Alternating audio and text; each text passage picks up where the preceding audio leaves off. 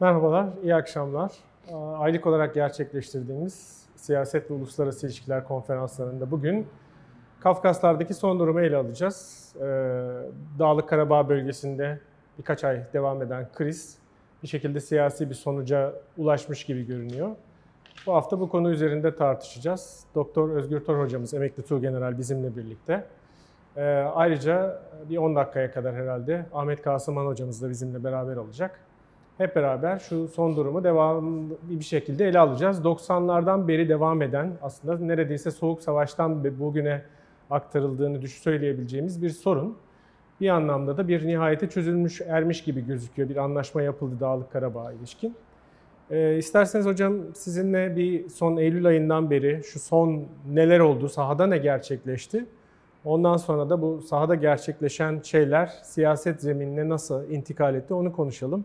Evet. Ee, herhalde bu diğer önceki çatışmalardan biraz daha farklı gelişti. Ne oldu? Bunu bir önce değerlendirirseniz arkasından siyasi evet. zemini. Teşekkür ederim. Herkese iyi akşamlar diliyorum.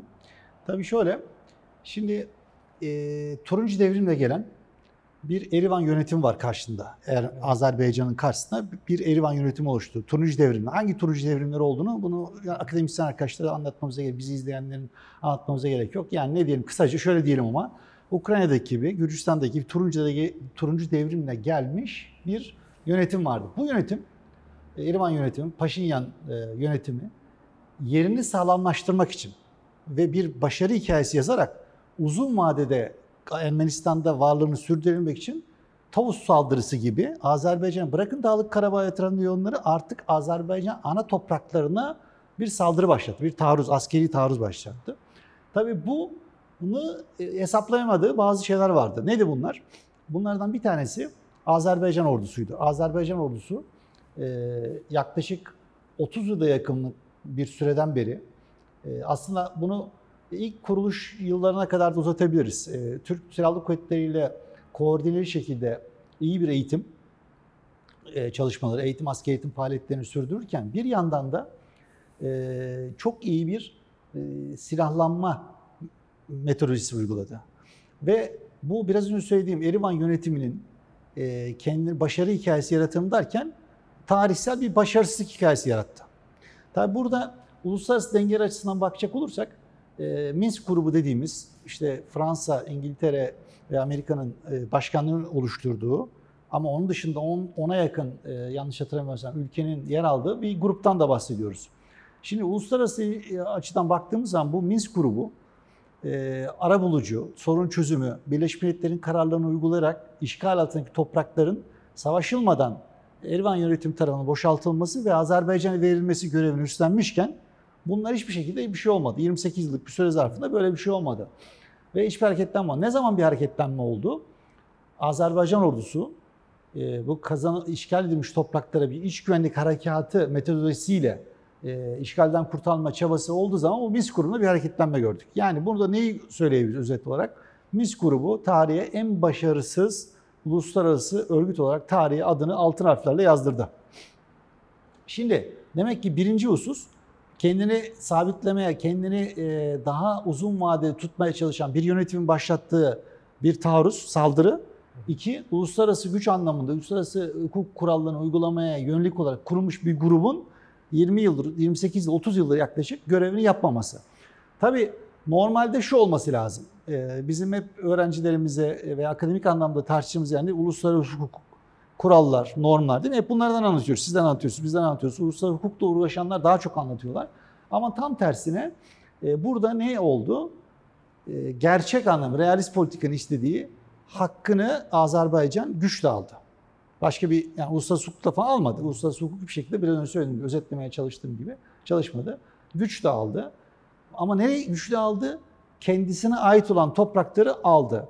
Şimdi bu harekat tamamlanmış değil ama genel anlamda baktığımız zaman e, Azerbaycan bunun kazanan tarafı. Neyi kazanıyor? Kendi işgal edilmiş topraklarını kazanıyor. Onda da az bir bölüm kaldı. Han kenti ve e, Adam istikameti az bir bölüm daha var. Orası da Ruslar e, bir Keşmir problemi edasıyla e, yani e, orada sorunun tam çözülmesini istemeyip kendi mutlaka sahada bulunmalarını e, gerektirecek bir düzenle barış gücü adı altında oraya yerleşme çabasındalar. Ama ben bunu da kısa vadede bir şey olarak görmüyorum. Ee, tabii ki tamamını alsalar daha iyi olurdu. Azerbaycan ordusunun tamamen bu Dağlık Karabağ'ın kontrolünü, etraftaki reyonları aldı. Tam, tam kontrolünü alsa iyi olurdu ama Şuşa'yı aldı. Han kenti ve biraz önce söylediğim Hocalı e, bu katliam yapıldığı bölümleri tam olarak almadı. E, Rusya burada bir Keşmir gibi bir problem çıkart ve orada bulunmasını sağlamaya çalışıyor.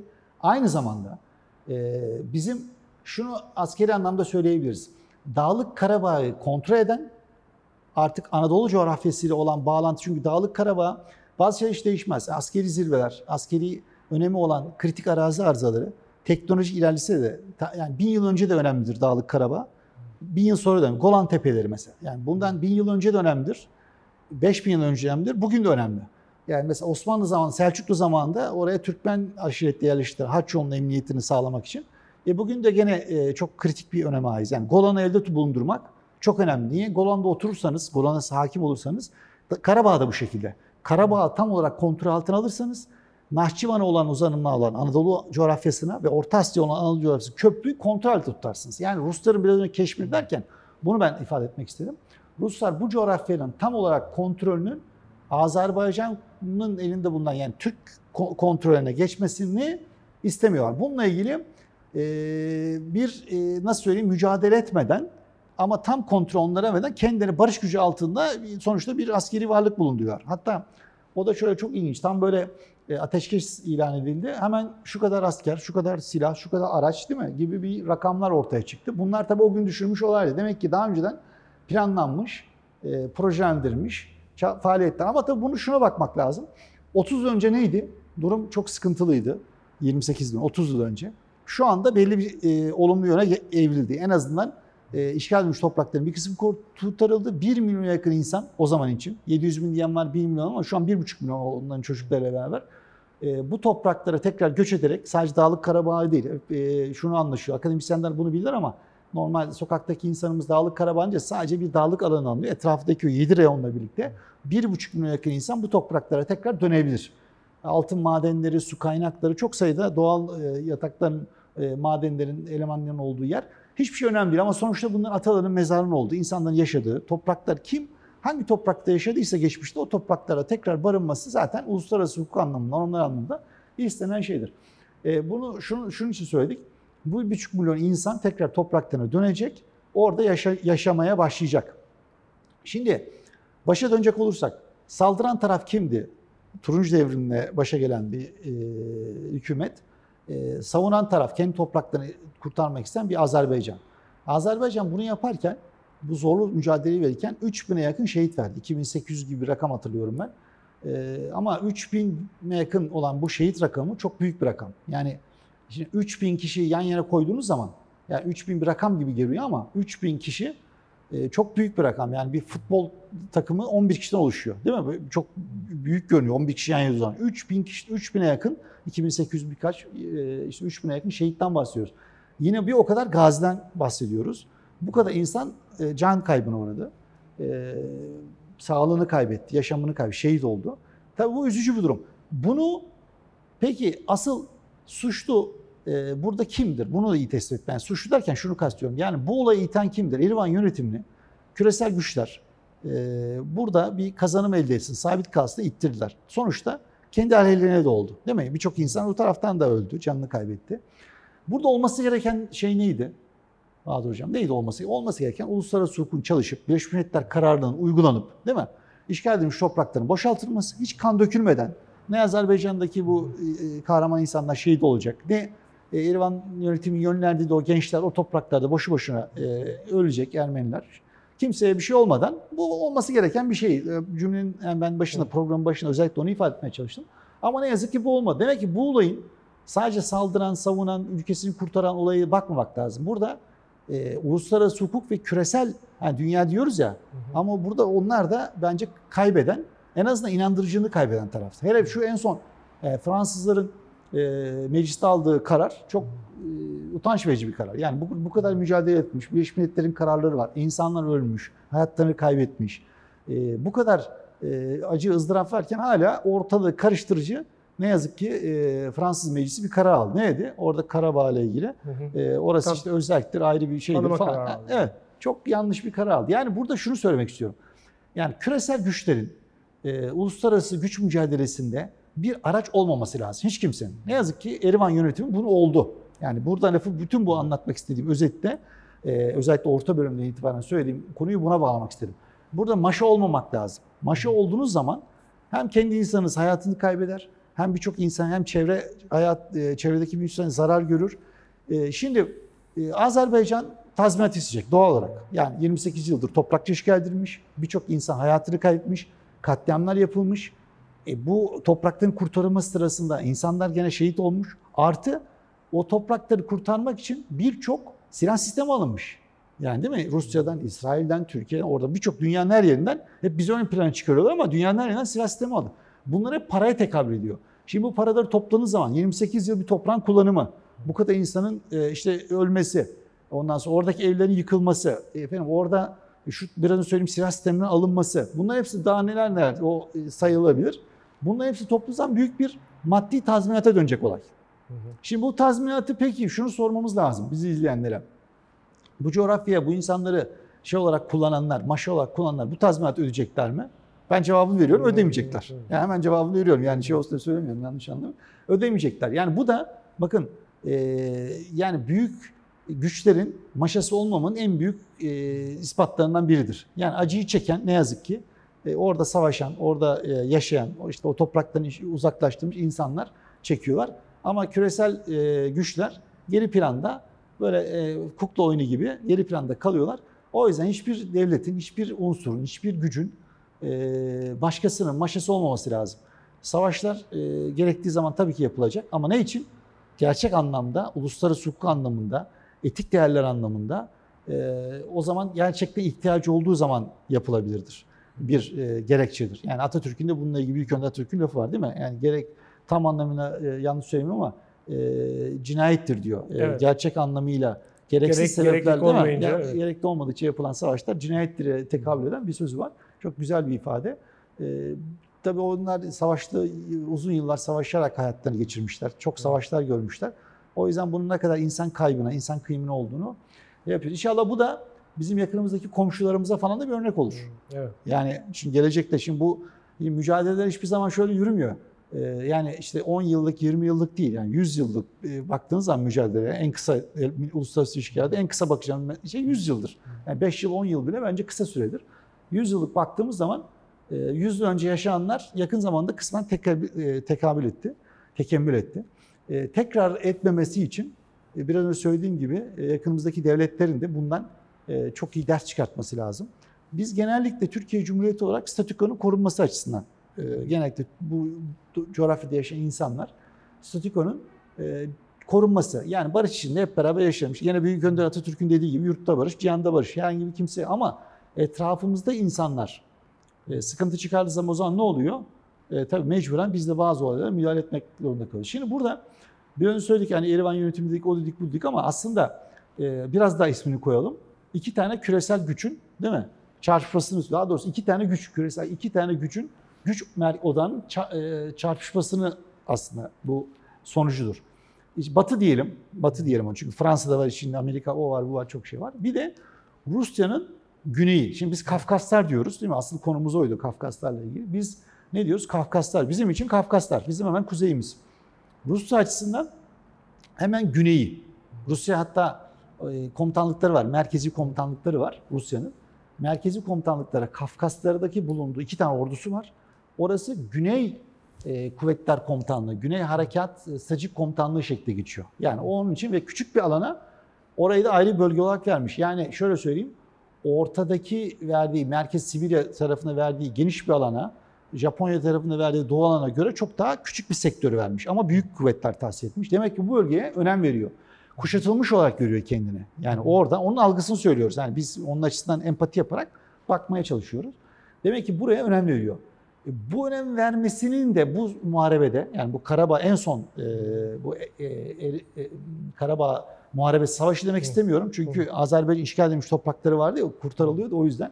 Karabağ muharebelerinde en son e, bu da olayın içindeydi. Yani şöyle Rusya güneyden kuşatılması engellemek için Batı yanlısı turuncu devrime gelmiş bir yönetimin e, Azerbaycan'dan tarafından e, törpülenmesini de göz yumdu diyebiliriz. Yani bu bunu böyle e, söylemek için çok böyle ultra stratejist veya ne bileyim akademisyen falan olmaya gerek yok. Bu çok bariz bir olay.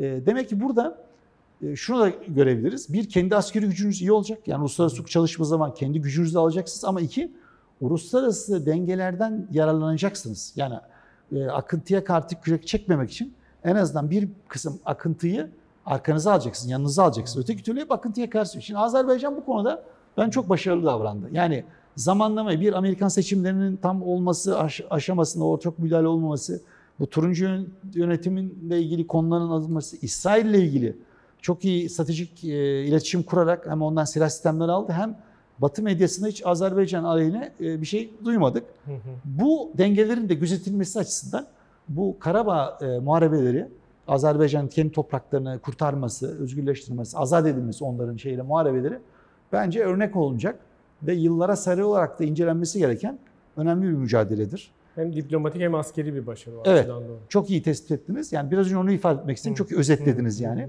Şöyle yani sadece işte ordu savaşır, kazanır. O öyle olmayabilir. Yani o biraz önce söylediğiniz çok iyi özetlediğiniz gibi uluslararası dengeleri de dış siyaset mekanizmasını da değil mi çok iyi kullanmak lazım. Şöyle bir şey olsaydı kazanabilir miydi acaba? Şimdi bunu da değerlendirelim. Yani biz kazanması istiyoruz. Ben şahıs olarak Azerbaycan'ın kazanması istiyorum. Yani bununla ilgili herhangi bir şeyim yok. Ee, gizli saklı söyleyecek bir şeyim yok. Ama şöyle olsaydı kazanabilir miydi acaba? İsrail'le problem çıkartsaydı. Yani mesela hem silah sistemden almasından hem de ben söylediğim o şey. Onunla problem. Rusya ile problem çıkarsaydı. E işte diğer bütün ülkeler problem çıkarsa sadece salt askeri gücüyle bu işi yapabilir miydinin cevabını e, bence zorlanırdı. Yani bu kadar rahatlıkla yapamayabilirdi diye düşünüyorum. Demek ki e, uluslararası dengeleri de çok iyi gözetmek lazım. Hem sert güç unsurlarını yani yumuşak güç unsurlarıyla beraber koordineli kullanmak lazım. Bu güzel bir örnek olarak karşımıza çıkıyor diye ilk sorunuzun cevabını Vermiyorum verebilirim. Evet. Yani aslında burada aynı noktadan devam edebiliriz bence. Güzel bir noktaya değindiniz. Orada Paşinyan yönetiminin tabii Moskova ile yaşadığı sorunlar bir fırsat penceresi çıkardı gibi gözüküyor Aa, Azerbaycan'a ve Aliyev yönetimine. Aliyev tabii babasından da getirdiği bir siyaset ustalığı var. Oradaki fırsat penceresini gördü ama tek başına bu da yetmeyecekti. Ee, şu önemli, Azerbaycan'ın bu noktaya gelene kadar ciddi bir hazırlık yaptığını görüyoruz. Yani Evet. 1990'lardan beri devam eden bir işgal var. 88'de başlıyor sorunlar ama işte 92'de e, Azerbaycan topraklarının %20'sini kaybederek e, mevcut duruma düşüyor. Dağlık Karabağ'da 7 tane de reyondan bahsediyoruz ve askeri güç kullanarak bunu geri almaya muvaffakiyet sağlayamıyor. E, neden diye baktığımız zaman e, Ermenistan aslında nüfus açısından baktığımızda 3 milyon civarında bir nüfusu olan, bir ekonomik gücü olmayan, e, askeri açıdan da tek başına tek ayakları üstünde duramayacak bir güçten bahsediyoruz. Ama işte Rusya ile oluşturduğu enteresan bir bağ var. Tabii diaspora mevzu da var. Belki onu işin e, siyasi, diplomatik boyutunda ele almamız lazım ama askeri gücünü sağlayan şey herhalde Rusya ile Ermenistan arasındaki bağıntıydı. E, son noktaya geldiğimizde e, bu Paşinyan yönetimiyle Moskova arasındaki sorunları o anlamda Aliyev yönetiminin iyi değerlendirdiğini söyleyebiliriz. E, ve bunu da o güne kadar yaptığı askeri hazırlıkları e, sonuca götürme anlamında değerlendiriyoruz. Hangi askeri hazırlıklardan bahsediyoruz? Siz aslında biraz değindiniz yani konuyu oraya getirmek istiyordum. İsrail'den ve Türkiye'den edindiği özellikle SİHA, İHA tarzı e, alet edevatı ve bunların tabii yönetimini, sadece bu, bu aletleri edinmek e, yeterli olmayacaktır herhalde işin teknik tarafından baktığınızda ama savaş meydanında, muharebe meydanında bunların efektif, etkin olarak kullanımı gibi bir konu. Ee, Azerbaycan'ın şehitlerinden bahsettik. Benim aklımda kalan da 2783 gibi bir rakam var. Öte yandan Ermenistan'ın kayıplarına ilişkin rakamlar yayınlandı. Ee, yani insan kaybının ötesinde çok ciddi materyal kaybı var. Bu da Ermenistan'ın sahada uğradığı e, bozgunu gösteriyor aslında. Nasıl Azerbaycan kuvvetlerinin etkin bir mücadele yürüttüğünü gösteriyor. Dolayısıyla iyi bir hazırlık yapılmış. O anlamda Türk Silahlı Kuvvetleri'nin de Azerbaycan'a verdiği desteği bir kere herhalde e, değinmek lazım. Ama sadece dediğiniz gibi Türkiye'den de silah almadı Azerbaycan yönetimi. Rusya'dan da var ama İsrail'den edindiği silah sistemlerini de etkin bir şekilde kullandığı gözüküyor. E, son zamanlarda da görüyoruz ki Ruslar da anladığımız kadarıyla Türkiye'nin herhalde bu alanda e, geliştirdiği teknolojileri, etkinliği biraz inceleme gereği duydular. Çünkü daha önce bir İdlib'de de benzer bir e, durum oldu. Tabii sonuçlar aynı değil ama Türkiye'nin anladığım kadarıyla bu alandaki hazırlığını, e, geldiği aşamayı ilgiyle izliyorlar. Onlar da bundan sonraki krizlerde benzer bir Türk Silahlı Kuvvetleri'nin etkinliğini nasıl durdurabiliriz gibi bir şey kafalarında kullanıyorlardır, kurguluyorlardır. Hatta şunu da okudum son zamanlarda. Ukrayna ile Türkiye arasında yapılan anlaşmalar sonrasında Ukrayna'nın da benzer yetkinliklere kavuşuyor olması bu Rusya açısından endişe verici olabilir gibi bir takım şeyler sanıyorum kafalarında var. Yani onlara ilişkinde tedbir almak isteyeceklerdir. Yani hem diplomatik hem de siyasi alanı bir arada götürdüler. Şuna da değindiniz bence o önemli. Bu işte batılı ülkelerin Minsk grubunun, Agit'in Minsk grubunun bu konudaki başarısızlığı. Yani ona başarısızlık mı demek lazım yoksa konuyu çözmeye mi niyetleri yoktu? Minsk grubu mu, Minskinler grubu mu? O biraz evet. karıştı. Yani aslında şöyle bir şey vardı bu konu 30 yıldır devam eden bir sorun. Sorun aslında Rusya için de bir sorun yok gibi gözüküyordu. Ermenistan için de Batılılar için hakeza öyle. Sorun kimin için de Azerbaycan için de bir miktarda Türkiye içerisinde bir sorun yaşıyordu. Ee, zaten Türkiye'nin en büyük rahatsızlığı e, Minsk grubunun bu konudaki ataletsizliği, ataleti ve çözüm e, geliştirmeye yönelik bir e, isteğinin olmamasıydı. Zaten onun için bu Eylül ayından beri gerçekleşen durum oldu. Yani bu siyasi zeminde, diplomatik zeminde çözülebilecek olsaydı bugüne kadar çözülmesi gerekiyordu. Çünkü orada da çok da fazla o anlamda tartışacak bir nokta yok. Yani sadece Dağlık Karabağ değil, Azerbaycan'ın kendi diğer topraklarının, rayonlarının işgali söz konusu. E, neticede bu askeri başarıyı da Kasım ayında yapılan anlaşmayla bir sonuca doğru götürmüş vaziyette. E, şu noktaya da vurgu yaptınız, o da önemli. Bu işte Ermenistan'ın dış güçlerin maşası olması vesaire. Tabii Kafkaslardan konuşuyoruz. Orada iki tane yerel aktör Ermenistan'la Azerbaycan arasındaki sorun gibi gözüküyor ama küresel e, global aktörler asıl orada başlıca Rusya, Rusya olmak üzere en başta. Çünkü kendi arka bahçeleri olarak değerlendirdikleri bir nokta. Rusya'nın da tatmin edileceği bir çözüm oluşturulması gerekiyordu. Ben çatışmalar ilk başladığında e, Rusya'nın da tamamen bölgeden dışlanmasına e, sebep olacak bir çözüme izin vermeyeceğini düşünüyordum. Ee, benim kafamdaki biraz daha harekatın daha yarılarda kalabileceğiydi. Daha kalıcı bir anlaşmaya varılmış gibi gözüküyor ama Rusya kendisi açısından e, bu anlamda biraz garantiler de elde etmiş gibi gözüküyor. Hangi garantilerden bahsediyoruz? Karabağ'daki e, varlığından bahsediyoruz güvenlik gücü olarak. Artı Laçin koridorunda Rusların ağırlığı olacak. Artı Nahçıvan'a bir koridor açılması ve orada da FSB'nin e, varlığının sürdürülmesi söz konusu olacak. Dolayısıyla Rusya, e, Ermenistan bu işin kaybedeni gibi gözüküyor ama Rusya kendisine bir takım garantiler almış gibi gözüküyor. Yani bu anlamda Ermenistan kullanılıp bir kenara atılmış bir e, aktör ama Rusya bölgeden çekilmiyor. Zaten çekilmesi de beklenemezdi. Siz bu anlamda anlaşmayı nasıl değerlendirirsiniz? Bölgesel aktörler açısından tabii Rusya'nın ne, ne kadar tatmin olacağı bir de Türkiye olarak biz ne kadar mutlu olmalıyız? Bu iş e, sahada askeri olarak Azerbaycan'a verdiğimiz katkı e, inkar edilemez. Ama diplomatik olarak ne kazandık? Yani sonuçta mutlu mu olalım, eksik yedik bir şeyler var mı? Ve o eksik yedikleri zaman içerisinde tamamlayabilir miyiz? E, aslında kim kazandı gibi bir değerlendirme yaparsanız o da önemli şimdi, olacak. Şimdi şöyle, Hani şey vardır, Birinci Dünya Savaşı'nın bitiminde aslında doğru değildir ama işte Almanlar yenildiği için biz yenildik gibi bir şey vardır ya, hani böyle bir standart klişe vardır. Aslında o doğru değildir ama burada da e, doğru olan şu yalnız tam tersine. Azerbaycan kazanırsa biz kazanmış oluruz. Bir kere şey bu. Yani bizim burada Türkiye olarak illa çok fazla kendi sadece Türkiye Cumhuriyeti sınırı için bir çıkar sağlama gibi bir şeyimiz yok. Ee, ama e, Azerbaycan'ın bu işten karlı çıkması bizim kazanımımız demektir. Ha bunun şöyle e, o koridor açılması, yani Rusların buna müsaade etmesi, e, o orta e, daha doğrusu Çin istikametinden gelen yolun, orta kuşak yol hı hı. projesiyle de bağlantısı olan bir konu. E, Çin'den çok bizim için Orta Asya Türk dünyasına e, lojistik anlamda malzeme ulaşabilmek, kültürel anlamda ulaşabilmek koridorun açılması aslında e, bence bu anlaşmanın Türkiye açısından Yani kazanım illa bir kazanım olursa hem ekonomik anlamda hem kültürel anlamda kazanım bu olabilir. Ama e, bir önce söylediğim gibi yani Azerbaycan'ın tek başına kazanç çıkması bile bizim için yeterli. E, güzel bir sonuç. Tabii Rusya, e, şimdi büyük devletler bir önce ne dediniz? E, geçmişte Erivan'ın yönetimini Rusya destekliyor değil mi? Şimdi hı. de, desteklemiyor. Yani demek ki büyük devletler e, kara kaşı, kara gözü için değil, kendi menfaatleri için e, desteklerler veya desteklemezler. Şimdi Erivan yönetimi kendisini Rus yanlılarına uzak- uzaklaştırdığı için Erivan yönetimi istemedi.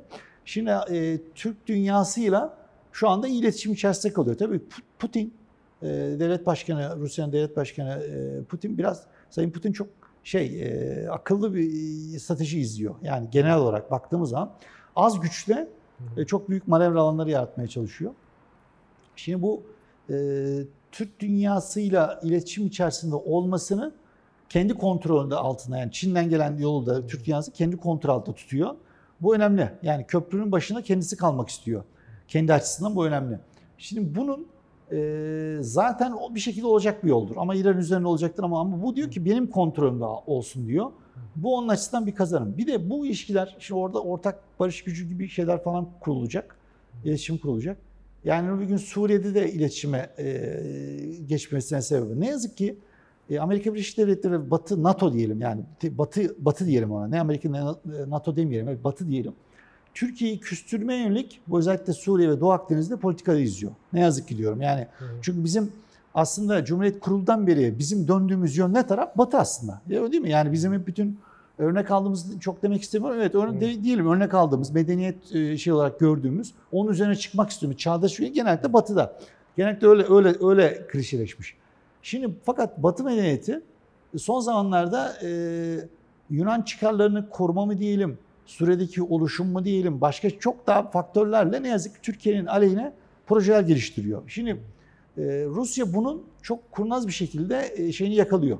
Yani bu işin nereye evrimleşeceğini yakalıyor. E, dolayısıyla bununla ilgili de gelişmeler anlamında bu olaya bakmak lazım. Yani orada beraber çalışabildik. Şimdi Suriye'de beraber çalışabildik, orada beraber çalışabildik. Bu spillover efekt gibi farklı acaba şeylere gider mi, gitmez mi? Bunu bunu bilmiyorum. Yani sonucunu bilmiyorum ne olacağını. Ama burada belirleyici olan faktör Batı'nın Türkiye'ye yönelik olan tutumları olacaktır. Şimdi mesela bu yarın ne var? İşte e, Avrupa Birliği'nin değil mi? Tabii E, liderler, zirvesi. e, zirvesi. Burada işte Türkiye yaptırım o bu falan gibi şeyler konuşuyor. Hafif yaptırım olacak. İşte fazla yaptırım olmayacak falan. Mart'ta belki daha çok yaptırabiliriz gibi. Yani böyle bizi dışlayıcı bir politika mı üretecekler? Yoksa kazan kazan. Cumhurbaşkanımızın dediği gibi kazan yani orada kaynaklar var. Hep beraber kazanalım, hep beraber işleyelim, hep beraber o alanları kullanalım. Yani lojistik anlamda, ulaştırma anlamında hep beraber kullanalım mı isteyecekler. O bölüm önemli. Yani Türkiye'yi düşünün. Avrupa Birliği ki ben çok e, o konuda biraz şeyim, e, olabilirliğine çok fazla inancım yok ama olduğunu farz edelim. Yani Avrupa Birliği Türkiye'yi gerçekten Avrupa Birliği içerisine alsa e, acaba bu konuştuğumuz konuları konuşur muyuz? Yani sorun sahası olur mu? Yani orada çıkan kaynaklar, ulaşım yolları, kontrol değil mi? Bunların hiçbir tanesi sorun. Göçle ilgili problem, hiç, bunların hiçbir tanesi konuşulmaz. Ama nedense almıyorlar. Ee, böyle bir e, şey var. Yani bunu şunu söyleyeyim. Rusya'nın Türkiye'ye olan, Türk dünyasına olan yakınlaşması, öbür taraftan Batı'nın e, Türkiye'ye olan bakış açısı bir yerde dengeye oturacaktır. Yani e, inşallah müttefiklerimiz yani daha böyle adil ve daha bize uygun şekilde yaklaşırlar da Türkiye e, Batı üzerinde tekrar e, şeyini devam ettirir. Ama e, farklı bir durum olursa sanki bunun ön hazırlıkları gibi de bakmak lazım. Bu e, iş gücü ve birlikteliğe bir önce söylediğiniz sorunun cevabını istinaden söylüyorum. E, burada tabii bir şey daha ekleyeyim.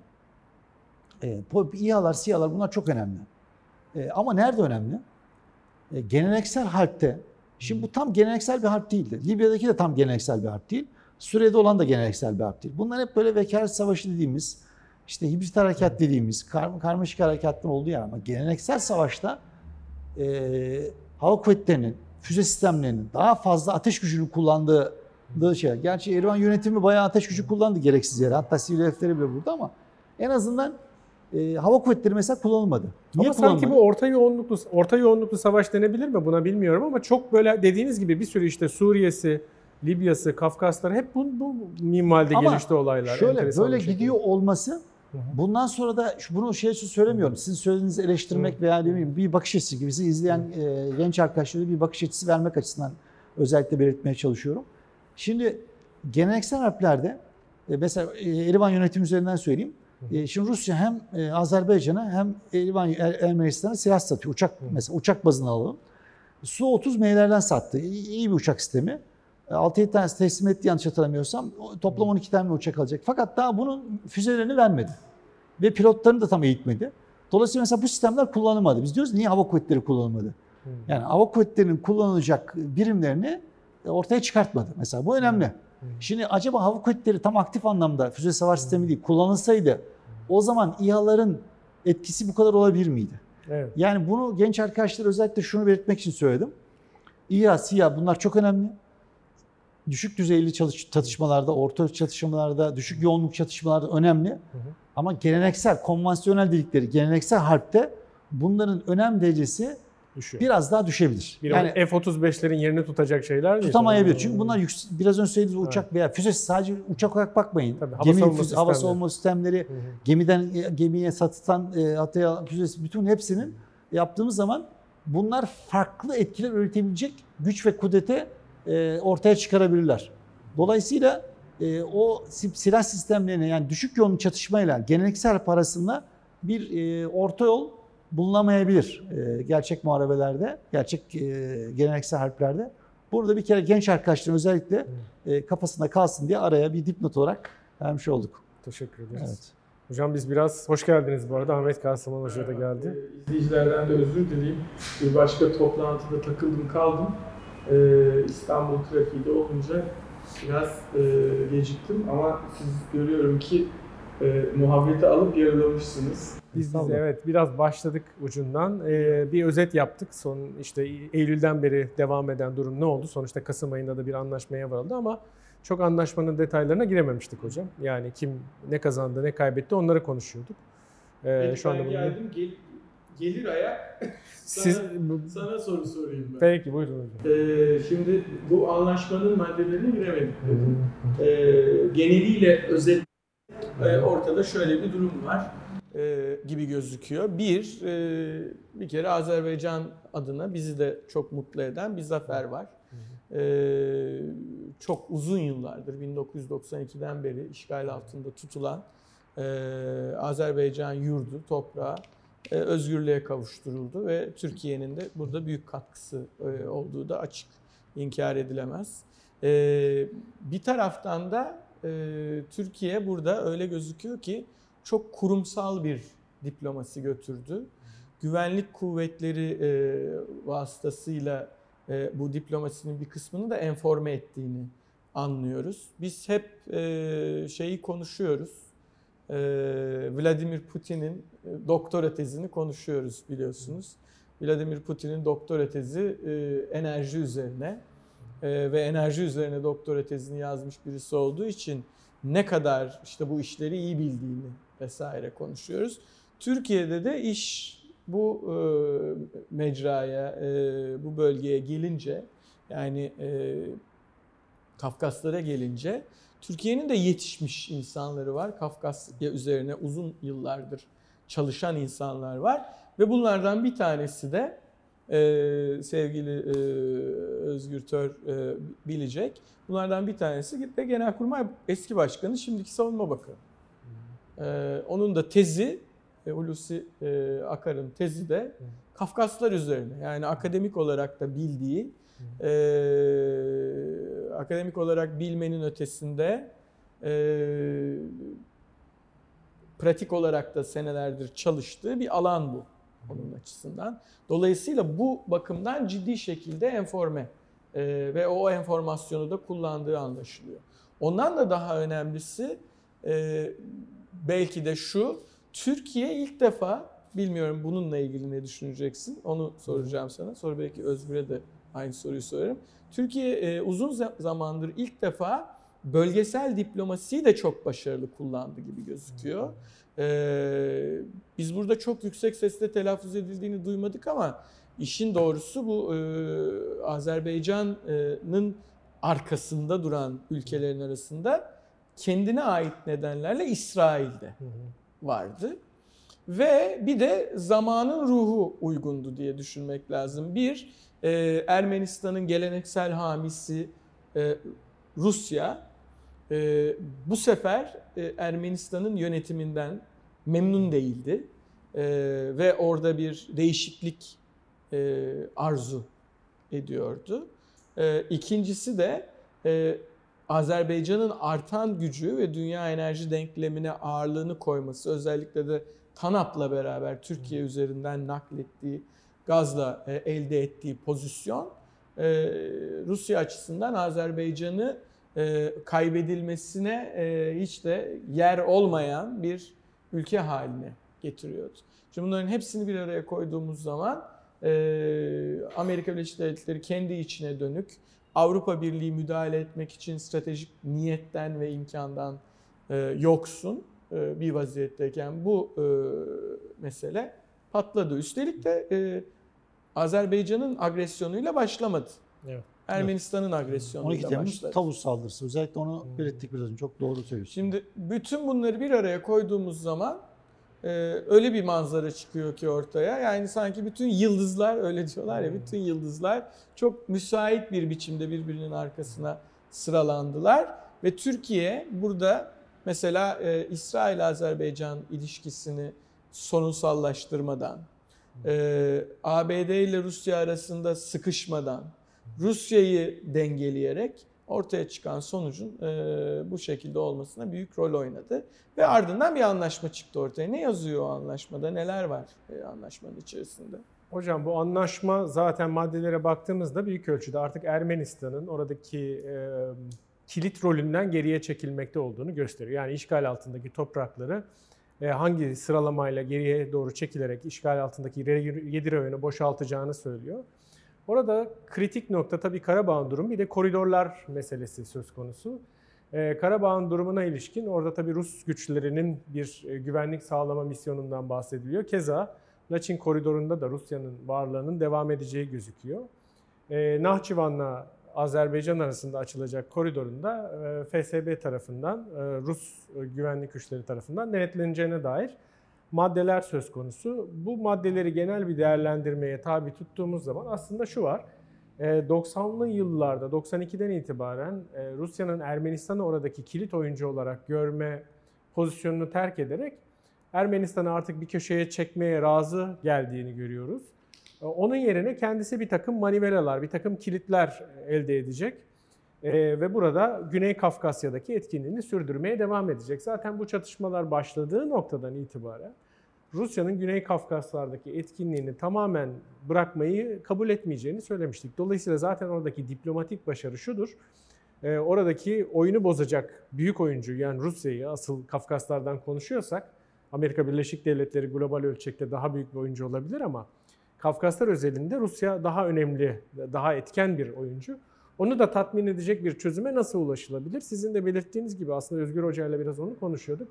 Aliyev'in yürüttüğü, işte Türkiye'nin de kendince yürüttüğü aslında askeri başarının da ötesinde bir diplomatik başarı söz konusu. Orada açılan işte Ermenistan ve Moskova yönetimi arasındaki makası da değerlendirmek suretiyle oradaki fırsat penceresini kullanarak e, elde edilebilecek maksimum kazanımlar nasıl elde edilebilir o noktaya odaklanıldı. Azerbaycan açısından baktığımızda oldukça ciddi e, kazanımlar var. Yani %100 mü? %100 elde edemeyebiliyorsunuz. Bunu biraz da zamana yaymak gerekiyor. Ama birçok açıdan da beklentilerin ötesine aşan neredeyse mutlak zafer diyebileceğimiz bir gelişim söz konusu. %100 başarı bizim Kurtuluş Savaşı'na da baktığımız zaman sonunda imzaladığımız Lozan Anlaşması bizi %100 tatmin eden bir anlaşma değildi. İşte ondan sonra Irak sınırı Ankara Anlaşması'na kaldı, Boğazlar meselesi Montreux'e kaldı. Dolayısıyla bir, bir miktar oralarda Irak esnemeniz gerekecek. Mo- e, Musul meselesi. Musul meselesi aynen öyle. Musul meselesi Ankara Anlaşması'na Boğazları biz 1936'ya kadar istediğimiz hale yola sokamadık. Dolayısıyla bu anlamda imkanlar meselesi diplomasi askeri güçle kullanılarak imkanlar anlamında gidilebilecek maksimum mesafelere gidilebildiği gibi gözüküyor. Türkiye'nin başarılarından bahsedersek veya neleri eksik yapamadığından, e, yapmış olabileceğinden bahsedersek oradaki kilit nokta tabii Rusya'nın elinde bir takım manevralar bulundurması. Yani bu koridorlar üzerinde Rusya'nın her zaman kontrolü devam ediyor. Ha bunlar olmayabilir miydi? Zaten şunu da kabul etmemiz lazım. Rusya askeri açıdan yenilgiye uğramadan böyle bir %100 geri çekilmeyi kabul edecek bir ülke değil. Dolayısıyla Rusya'nın oradaki varlığını kabul ederek, Rusya'nın orada elinde bir takım kozlar tutmasını kabul ederek ne kazanılabilir? Ona odaklanmak lazım. Türkiye o anlamda mantıklı davrandı. Çok fazla da kendini coşkuya kaptırmadan Azerbaycan'ın kazanmasına izin vererek bir kere uzun vadede e, Azerbaycan üzerindeki etkisini de arttırdı. Bu giderek özellikle bu savaştan sonra iki ülke arasındaki yakınlaşmanın bir anlamda bir e, dinamisi öyle bir noktaya geldi ki dinamiği bundan sonra da gelişmeye devam edebilecek gibi gözüküyor. Hatırlarsanız Türkiye'nin bir ara bir 10 seneyi de aşkın bir süre içerisinde Ermenistan'la sınırları açma e, girişimi olmuştu bu sorun çözülmeden. Ve arkasından Azerbaycan'da ciddi sorunlar yaşandı bu noktada. İnsicamını bozmayayım da e, bütün bunların sonunda onu da söylesene. Şimdi bundan sonra bir daha bu e, açılma söz konusu olabilir mi?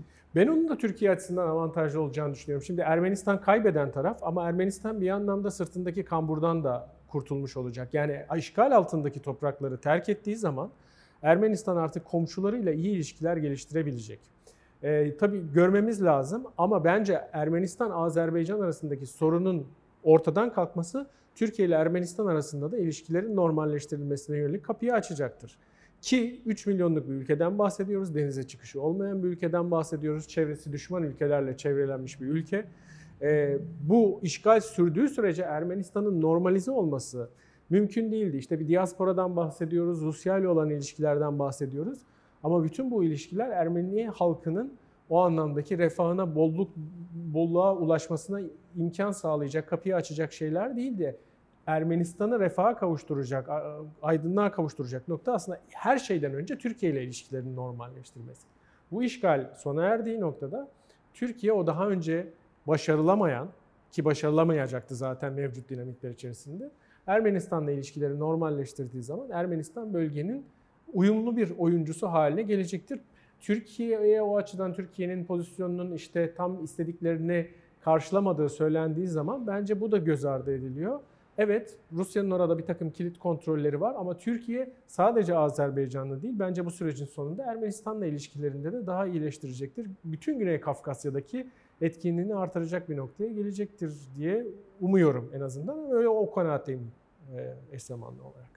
Peki e, anlaşmanın sonunda e, şeyler var. Böyle e, bir takım kontrol alanları, Rusya var, Rusya ile Türkiye'nin ortak kontrolü var. Saha denilen şeyin nasıl yönetileceğini iyi bilen birisi olarak siz ne diyorsunuz Özgür Tök? Önce Bahadır Hocam'dan bir farklı düşündüğüm bir bölüm var. Müsaade ederseniz onu Tabii. hemen söyleyeyim. Ondan sonra sizin sorunuza döneyim. Şöyle, tabi Bahadır Hocam çok iyi niyetli olarak söylüyor. Yani iyi niyetli derken şu anda uluslararası hukuk ve normlar açısından söylediği doğru. Yani o anlamda eleştirmiyor ama şöyle bir sıkıntı var. Ee, Erivan yönetiminde hep bu, bu var, şu an var, gelecekte de olacak, inşallah olmaz. Şimdi 13-14 tane aile bu suni devleti, ben herhangi bir millet, hiçbir şeye düşman değilim. Ee, oradaki yaşayan insanlara da dostum.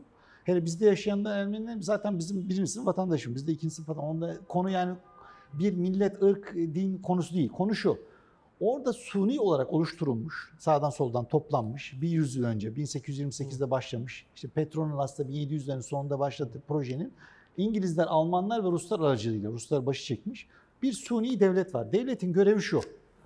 Türk dünyasını ikiye bölmek. Yani Orta Asya Türk dünyasıyla Anadolu Türklüğünün arasında bulunmak. Şimdi oradaki yönetim dışında gerçekten orada yaşayan insanlar tam biraz önce 13-14 evet. aile dışında gerçekten sizin dediğiniz bölüm doğru. Orada yaşayan insanlar menfaat açısından iki ülkenin ilişkisi, iletişim için olması son derece normal. Doğru.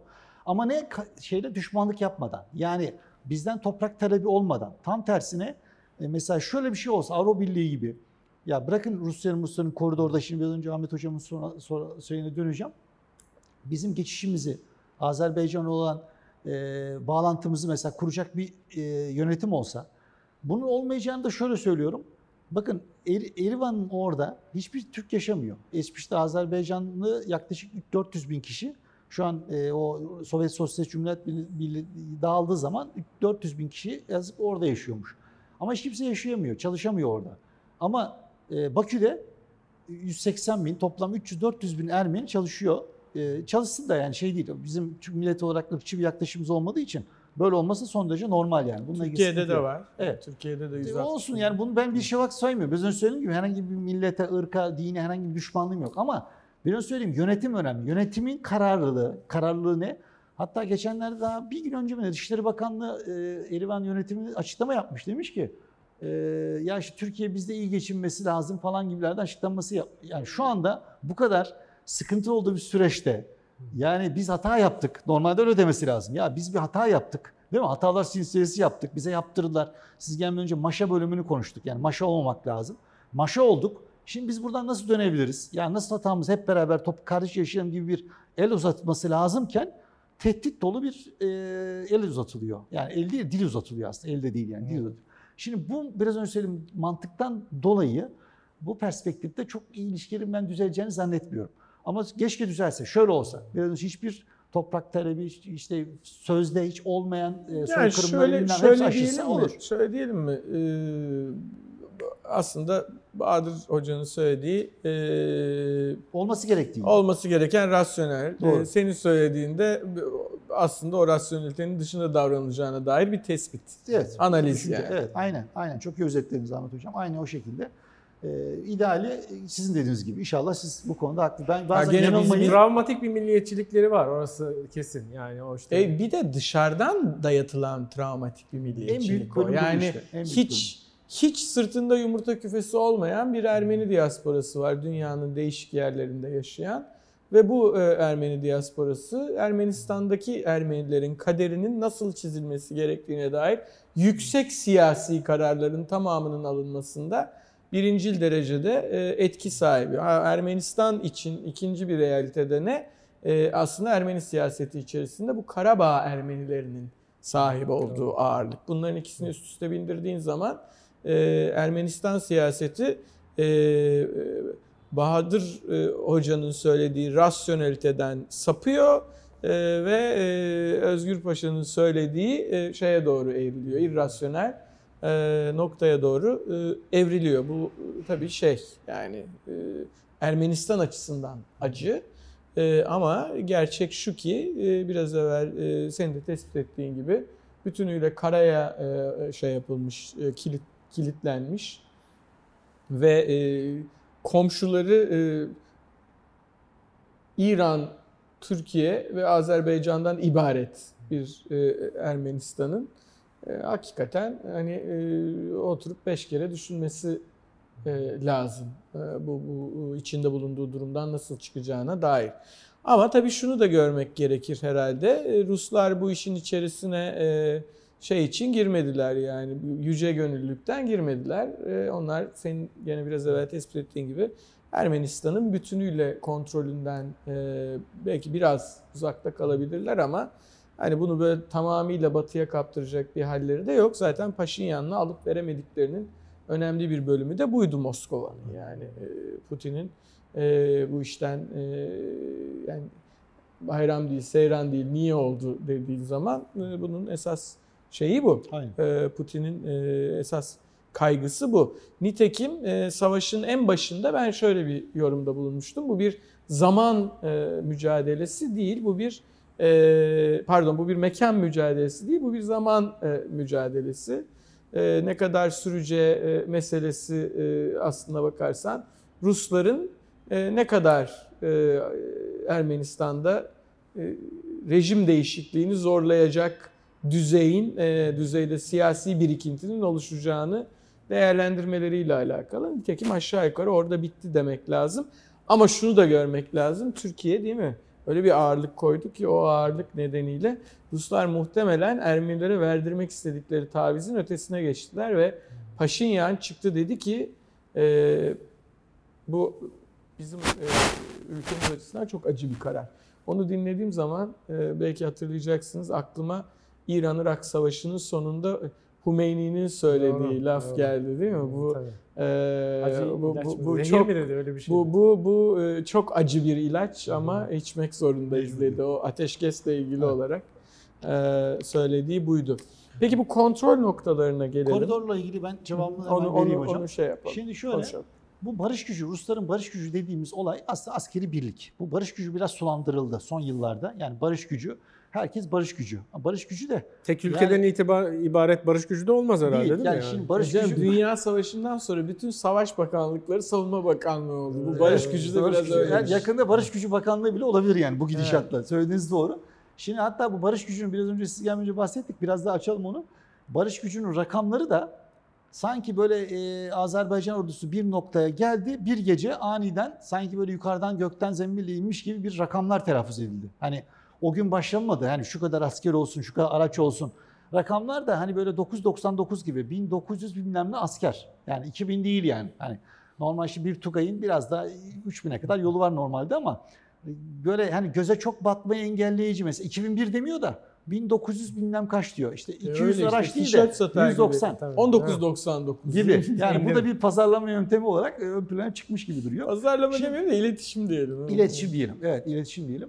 Şimdi şöyle, e, biraz önce şunu söylemiştik. Bir Keşmir sorunu gibi Rusların tamamen, e, tabii Ruslar Keşmir'de yok ama Rusların mutlaka hakem olarak e, bulunması gerektiği, kondüktör olarak Rusya'nın bulunması gerektiği bir Dağlık Karabağ analizi yapılmış. Yani bu noktaya izin verilmiş. E, buna buna gelindikten sonra Ruslar özellikle Han kenti, Şu- Şuşa'nın alınması izin verdiler. O önemli. Ama mesela Han kenti, adı üstü Han kenti yani normalde Hocalı gibi e, bölümleri e, tutarak e, kendilerinde bulundurdular. Şimdi burada önce Dağlık Karabağ sonra koridora geçeyim. Şimdi bu bu zirvenin elde bulundurması, askeri zirveler, kritik arazi arızaları e, bin yıl geçse de değişmez. Yani 10 bin yıl önce de Dağlık Karabağ önemlidir. Şimdi önemli, 10 bin yıl sonra da önemli olacaktır. Şimdi Coğrafya burayı, çünkü. Evet. Burayı kontrol eden güç, burayı kontrol eden güç e, o iki biraz önce söylediğimiz Türk dünyasıyla yani Nahçıvan arasındaki bölgeyi komple kontrol edecek hakim araziye sahip olmuş olur. Dolayısıyla bunun Rusların bu e, denklemden çıkmak istememiş. Bir kere bu o 1900 küsurat rakamlarını falan askeri araçlar, Smerç füzeleri onlar bunlar bir kere öyle değerlendirelim. Koridor bölümüne inilecek olursak yani bizim Türkiye'den Nahçıvan'ın e, oradan e, Türk dünyasının bağlayacağımız, Azerbaycan'a gideceğimiz 5 kilometrelik koridorlar bir de e, Erivan yönetiminde bir de aynı şekilde Han kenti olan bir koridordan bahsedecek olursak özellikle güney bölüm çok önemli. Rus da şunu diyor.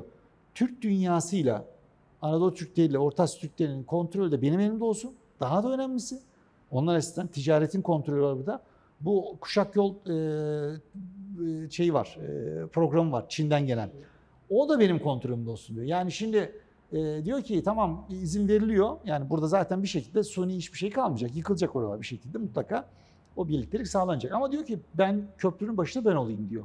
Hani bilet keser gibi ben hani geçeyim dur sen Deli geç. diyoruz Aynen, biz. aynen. Bunu istiyor. Yani kontrolsüz güç olmasın. Bu zaten olacak ama benim kontrolümde olsun diyor. Ben buradan bunu böyle okuyorum.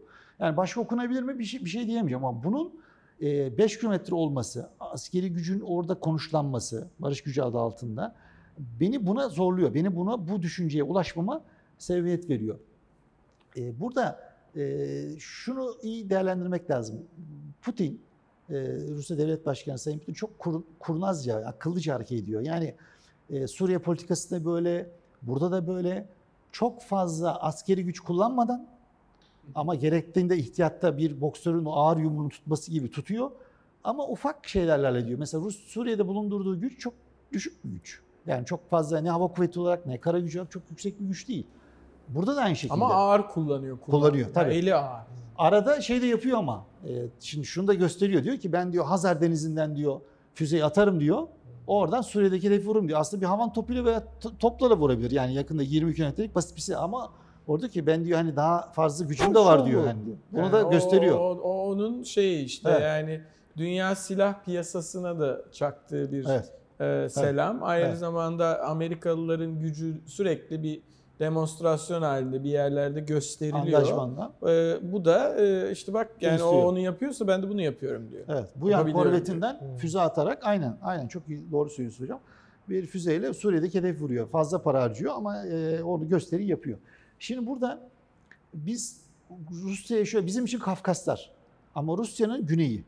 E, askeri komutanlık olarak da ben o bölümü başta söyledim ama biraz daha açayım. Rusların dar bir alanda e, güney e, stratejik komutanlığı var. 7 tane bölgesi var. 7 sektör yansıtımı işte güney, orta, kuzey falan filan. Dar bir alanda iki tane ordu konuşlandırmış durumda. Ve bu ordunun hava kuvvetleriyle, işte Karadeniz filosuyla, Hazar filosuyla desteklemiş durumdalar. Yani buraya önem veriyorlar. Şimdi biz de Kafkasların haritası, bizim şu an coğrafyalara bakıyoruz. Bir Kafkas haritası görüyoruz değil mi? Aslında bu harita değil, böyle şu an böyle değil. Yani e, değişmiş durumda. Yani sadece haritalar kabul edilmiş, değişmiş. Şimdi Ukrayna Ukrayna mı şu anda? Yani Ukrayna haritasına baktığımız zaman acaba e, şu anda normal biz Ukrayna devleti olarak gördüğümüz harita şu anda fiiliyatta öyle mi? Değil. Gürcistan öyle mi? Değil. Hem Ossetya bölümünden hem Abhasya bölümünden Batı'nın biraz üstüne itibaren Rusların kontrolünde. Şimdi burada da e, yine Karabağ'dan tutun yani Dağistan'ın kuzeyinde Hazar'dan şeye kadar aşağıdan bir ne Gürcistan üzerinden ne Ermenistan üzerinden kendisine yakın bir coğrafyada bulunulmasını batılı güçler tarafından istemiyor. Bunu önlüyor. Yani bu iki tane fay hattının aslında çarpışmasının biz bunu görüyoruz. Sadece sorun Azerbaycan e, Erivan yönetim mücadelesi değil. Sorun iki tane büyük aksın mücadelesi. Bunu böyle okumamızda fayda var diye ben düşünüyorum. Anlıyorum. Ee, Türkiye ile Rusya e, Suriye'de birlikte devriye yapıyorlar. Ee, yani bunun belli bir başarı yüzdesi var. En azından oluyor bir iki. Ee, bu bölgede de benzer bir şey bekliyor musun? Ee, Yoksa zaten- daha ziyade zeytinyağıyla suyu birbirine karıştırmayalım. Herkes kendi kontrol noktasını bilsin gibi mi? Hocam benim edindiğim izlenim biraz tabii Rusya'nın Türkiye'yi tam olarak karşısına almamak ama öte yandan da tam olarak bölgede kendisine bir rakip oluşturmayacak şekilde e, marke etme şeklinde bir bakış açısı var. İşte bu Karabağ'a ilişkin bir merkez kurulmasına ilişkin bir hüküm var. Ama onun e, yorumu aslında baktığımız zaman Lavrov'un ve Çavuşoğlu'nun açıklamalarında Türkiye ile Rusya arasında biraz böyle bir perspektif farkı varmış gibi gözüküyor. Ee, biz onu daha böyle biz barış gücüne dahil olacağız. Orada Karabağ'ın bizatihi içinde olacağız. Dolayısıyla o sürecin içinde olacağız gibi düşünürken e, Rusların perspektifinden, yorumlamasından o sanki bir merkez e, hatta Karabağ'ın dışında olacak ve o birlik dışarı çıkmayacak Güzel gibi bir e, yorum yapıyorlar. E, Türkiye tabii e, Rusya'nın Türkiye'ye ilişkin yaklaşımı şimdi Suriye'de de benzer bir durumla karşı karşıya kaldık tamamen Türkiye ile çatışma noktasına gitmek istemiyor. Çünkü Rusya'nın zaten hali hazırda batılı aktörlerle, Amerika Birleşik Devletleri ile başta ciddi çatışma noktaları var. Türkiye'yi tamamen dışlayacak bir pozisyon almak istemiyor. Öte yandan Türkiye ile %100 güven ilişkisi tesis edebilmiş diyebilir miyiz? Bunu Suriye'de de gördük. Böyle bir güven ilişkisi de yok. Yani Türkiye Fırat'ın doğusunda harekata başladığı zaman da o cebin çok fazla yayılmasını engelleyen, Türkiye'nin aşağılara kadar inmesini engelleyen güç de Suriye ordusu ve Rus ordusuydu. Arkasındaki Rusya'ydı. Keza İdlib'de de Türkiye'nin kontrolündeki muhalif grupları sır- sınıra doğru presleyen gene Rusya'nın varlığını görüyoruz. Ha bir yerde duruyorlar. Yani oturup mesela o cebi tamamen yok edip Türkiye'nin çok büyük bir sorunla karşılaşmasını istemediler. Ama öte yandan da Suriye içerisinde Türkiye'nin çok ağırlığının olmasını bir güç elde etmesini de istemiyorlar. Kafkaslara ilişkin tutumlarında da benzer bir yaklaşım var. Yani Türkiye'yi her zaman bir soru işareti olarak algılıyorlar. Her ne kadar biz bilhassa bu Astana süreci sonrasında 2016'dan itibaren Batı ile sorunlarımız iyice ayyuka çıktı. Biz artık Rusya ile beraber çalışacak desek de bu anlamda tam bir uyum sağlandı denemez ve bence Putin'in kafasında Türkiye ilişkin bir soru işareti hiçbir zaman tamamen ortadan kalkmayacak. E, bu da bugün ortaya çıkan bir konu değil. Hatırlarsak biz Sovyetler Birliği çöktüğü zaman Türkiye'de bir, bir coşku hasıl oldu. Gaza geldik ta, amiyane tabirle. İşte e, gerçi Süleyman Demirel ne dediğini bilir o anlamda Adriyatik'ten Çin Seddi'ne demişti ama başkaları biraz fazla uç örneklerle yorumladı. Yoksa Süleyman Demirel tabii çok deneyimli bir siyasetçi, devlet adamıydı. Ama biz işte Sovyetler Birliği yıkıldı artık buradan ta Ortaya Asya'ya kadar bütün bölgeyi biz kontrol edeceğiz. E, Türk dünyası olarak vesaire gibi bir kafa yapısının içerisine girmişti. O Rusya'nın hem Kafkaslardan hem Orta Asya'dan tamamen dışlanmasına ilişkin böyle aşırı maksimalist ve hayalperest bir yaklaşımdı. Bugün içerisinde de bu Kafkaslardaki durumu, Rusya'nın durumunu gördüğümüzde Türkiye şunu kabul etmiş gözüküyor. Zaten başka türlü yapamazsınız. Rusya'nın orada bir takım kontrol noktaları olacak. Yani Rusya'yı dışarıya iterek bir siyasi perspektif oturtmanız oraya tek başınıza mümkün değil. Çünkü Rusya'nın arka bahçesi. Orası Rusya savaşmadan bırakacağı bir nokta değil. Yani Amerika Birleşik Devletleri bile böyle bir şeye teşebbüs etmez. Yani Rusya'nın Kırım'daki varlığı da Türkiye'nin çıkarları aleyhine ama oturup Rusya'yı oradan güç kullanarak çıkaramazsınız.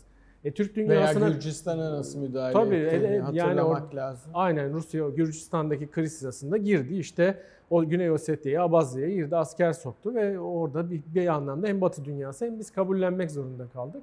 E, Türk dünyası dediğiniz dünyaya siz zaten Rusya'nın ağırlığı olan bir bölge orası. Rusya zaten tamamen çıkmış değil ki tam Sovyetler Birliği yıkıldı ama Rus etki alanında bir bölgeden bahsediyoruz. Dolayısıyla burada bir oyun kurgularken Rusya'nın oradaki varlığını her zaman bir şekilde kabullenmek suretiyle siz nasıl maksimize edeceksiniz, nasıl azami şekilde kendi etkinliğinizi koruyabileceksiniz noktasına gelmek gerekiyor. Hep bir güç dengesi, bilek güreşi Rusya ile Moskova arasında gidiyor ama iki tarafta bu işi çatışmaya, kafa kafaya vurmaya getirmeden bir çözüme gitmeye çalışıyor. Şu andaki görüntü Kafkaslar'da o biraz başarılmış şekilde ama her iki tarafta da bence hep soru işareti var. Yani Putin de Türkiye bir soru işaretiyle bakıyor. Türkiye'de Rusya'ya baktığı zaman ya bu Suriye'de de karşımıza çıkıyor, Libya'da da karşımıza çıkıyor, Kafkasya'da da çık çıkıyor karşımıza. Ha bu bizim coğrafyamızın realitesi. Rusya var ve Rusya'yı dikkate almak zorundayız. Onu her zaman kafamızın bir kenarında tutuyoruz. Ee, Rusya var ve Rusya'nın var olduğunu sürekli kafamızda tutuyoruz. Ee, peki Rusya ile Türkiye'nin ilişkileri ne bir yukarıdan baktığımız zaman bunların e, Türkiye'nin Batı ile ilişkilerinin bir alternatif olduğunu söyleyebilir misin Özgür Şimdi ben şöyle e, bunu söyleyemem ama gidişat olabilir. Yani buradaki şimdi bunu öngörmek şöyle çok zor. E, burada e, özellikle Batı'nın e, kararları bize yönlendirecek. Şimdi Putin biraz önce söyleyeyim çok e, kurnaz ve akıllıca yaklaşımları var. E, şimdi Bahadır Hocam biraz önce güzel özetledi ama e, bu hani bu bak şeyde akademisyen kullandığımız bu spillover efekt dediğimiz şey var. Yani şimdi bizim Ruslarla önce Suriye'de devreye atmaya başladık. O niye için atılıyor çok fazla anlamış onu değilim ama en azından şu Karabağ'da bir barış gücünün ortak koordinasyon merkezi falan kurulacak. Şimdi biz e, özellikle ben gençlik dönemlerimde Ruslar mütecaviz, saldırgan, her an böyle işte Türkiye'ye saldırabilirler. Biz her an onlara hazır olmalıyız iklimim vardı. Yani ben 20'li yaşlardayken bu iklim vardı. Biz buna yönelik hazırlıklarımızı yapıyorduk. İşte Amerikalılarla, NATO kuvvetleriyle nasıl savaşırız falan bu planlar buydu. Birlikte Ruslara karşı. Karşı evet, evet birlikte nasıl? Şimdi şimdi Ruslarla ortak e, manevralar, işte ortak e, faaliyetler falan yürütülüyor. Yani tam dünya değişiyor, birçok şey var. Bu tek başına bir e, Karabağ ve Suriye olayı anlatılamaz ama ilginç yerle evrimleşiyor. Şimdi burada e, en son mesela Doğu Akdeniz olayında, Suriye olayında Batı'nın yaklaşımına baktığımız zaman Türkiye'yi biraz dışlıyor gibi duruyor. Ee, bir de mesela Amerika'nın özellikle bu Ağaç'ta, Larissa'da, Girit'teki Yunanistan üslerini kullanması, bunu geliştirmesi, daha fazla kullanması. Acaba soru işareti olarak söylüyorum. Yani bunun böyle kesin olacağından dolayı değil. Ee, acaba Rusya, Putin e, merkezli yani nasıl bunların araları bozulacak bu gidişle? Hani ben de bunu da e, bekleyeyim. Belki benim araları daha düzelir, iyiye gidebilir gibi bir e, olta atma tabiriyle bekliyor olabilir mi? Bunun cevabını bilmiyorum samimiyetle yani. Bunu sadece bir bir başka bakış açısı açısından. Çünkü soralım. ne kadar... Bahadır Kaynağı soralım. Ee, şöyle de söyleyebiliriz belki de. Tamam Türkiye'nin batı sistemiyle, batılı ülkelerle arasında sorunlar çıkıyor gibi gözüküyor. İşte Yunanistan'da Amerikalılar üsler kuruyor vesaire. Ama Yunanistan üzerinden Türkiye'nin NATO'da oynadığı rolü Batı ne kadar te telafi edebilecek? Yani şimdi şundan konuşuluyor. NATO Karadeniz'e doğru ağırlığını kaydırmak durumunda. E, Montreal Anlaşması olmasaydı muhtemelen çok daha fazla savaş gemisini oraya sokmak isteyeceklerdi. E, Kafkaslara doğru ilerliyor. Ukrayna sorunu çok ciddi bir sorun. Türkiye'nin burada coğrafi konumu çok önemli. Türkiye'nin batıyla problemleri çok açık olmakla beraber Türkiye'yi %100 ikame edecek bir seçeneği de batının olmayabilir. Yani bu tabii karşılıklı pazarlık pozisyonu. Peki, Türkiye'de Türkiye, diyor ki ben de gider. Türkiye'nin var mı? Ha, Türk, Türkiye açısından da Türkiye'de benzer bir şekilde ben de o zaman Rusya ile ilişkilerimi geliştiririm. Ha bunun söylemesinin başlıca sebebi de Suriye'ydi. Hadi kabul edelim şimdi yani Suriye'nin bölünme noktasına gitmesi, PYD meselesi Türkiye'nin o anlamda bir e, batıya elini e, sertleştirmesine sebep oldu. İki taraf açısından da B seçeneği yani A seçeneği olarak bence yerine koyabilecekleri bir şey yok. Yani Türkiye'nin de e, eğer Batı ittifakının kendi beka kaygılarına yönelik e, hoyratlığını bir şekilde giderebilirse Batı ittifakını tercih edecektir. Putin de bunu biliyor. E, Birçok açıdan çünkü Rusya askeri açıdan çok büyük bir ülke olmakla beraber yine daha ikincil bir güç artı ekonomik Türkiye'nin ihtiyaçları var. Bunu da e, Batı'nın karşıladığı şekilde karşılayamayacaktır. Dolayısıyla Türkiye Batı ile ilişkilerini hiçbir zaman bir kenara itemiyor. E, biraz önce söylediğim gibi de Amerika Birleşik Devletleri açısından, Avrupa Birliği açısından tamam Yunanistan da önemli bir müttefik işte Doğu Akdeniz'de onlarla da ittifaklarını sürdürmek istiyorlar ama Türkiye'nin görevini tam yapabilecek, tam anlamıyla yerine getirebilecek bir Görevini ağırlık de fonksiyonu, Fonksiyonu, işlevini. aynen öyle. İşlevini doğru söylüyorsunuz hocam. İşlevini yerine getirebilecek bir ağırlıkta değil. Bunun tersini söyleyen yazarlar var bu arada. Yabancı okuyorum ben de. İşte Türkiye düşman safına geçti. Biz bunlarla uğraşmayalım. Çevreleyelim Türkiye'yi de. İşte Kıbrıs'a üst kurulsun, işte Yunanistan'a üst kurulsun. Türkiye'den bir beklentiye girilmesin. Ama realist bir bakış açısıyla değerlendirildiği zaman batılı politika yapıcıları e, dikkate aldıkları zaman Türkiye'nin yerine yüzde yüz koyabilecekleri o anlamda Batı ittifak sisteminin, Batı savunma sisteminin de gedik açılmasını engelleyecek bir seçenekleri de yok. Yani Batılılar da bu Biden başkanlığından sonra çok da konuşulmaya başlandı. İşte Biden Türk düşmanı, işte onun için Türkiye ile ilişkiler kötü olacak vesaire bir sürü konu konuşuluyor. Ee, şunu değerlendirecektir bence Biden ekibi. Ya Türkiye ile biz nasıl bir çalışma zemini koyabiliriz? Yani Türkiye'nin Batı sisteminde bizim ittifak sistemimiz içinde bir ağırlığı var, bir önemi var. Tamam sorunlar var ki uzunca bir süredir devam ediyor ama nasıl çözebiliriz? Çünkü şu da vardı, 2000'li yılların başında da Türkiye ile Batı ittifak sistemi e, hatta 90'lardan itibaren Irak meselesi üzerinden sorun yaşıyordu. Türkiye Suriye nasıl bölünecek gibi beka sorunum, saygılarımız var derken Irak için de benzer kaygılar dile getiriliyordu ve Türkiye ile Batı arasında Irak konusunda bir uyum sağlandı. E, hatırlarsak 2000'li yılların başında Türkiye ile Amerika Birleşik Devletleri ilişkileri sorunsuz ilerliyordu. Ee, daha sonra özellikle 2015 sonrasında, 14-15 sonrasında bu Kobani olaylarından sonrası ama bu olay bambaşka bir zemine intikal etti. İşte muhtemelen Biden ekibinin gelmesiyle o zemin aranacaktır. Bulunur mu bilmiyorum. Ama iki tarafta elinde farklı kozları tutuyor. Türkiye diyor Katsa, ki ben diyor alternatife giderim. Katsa, ka, koz işte katsa. Katsa o diyorsunuz. İşte koz. Bunu tutacaktır elinde.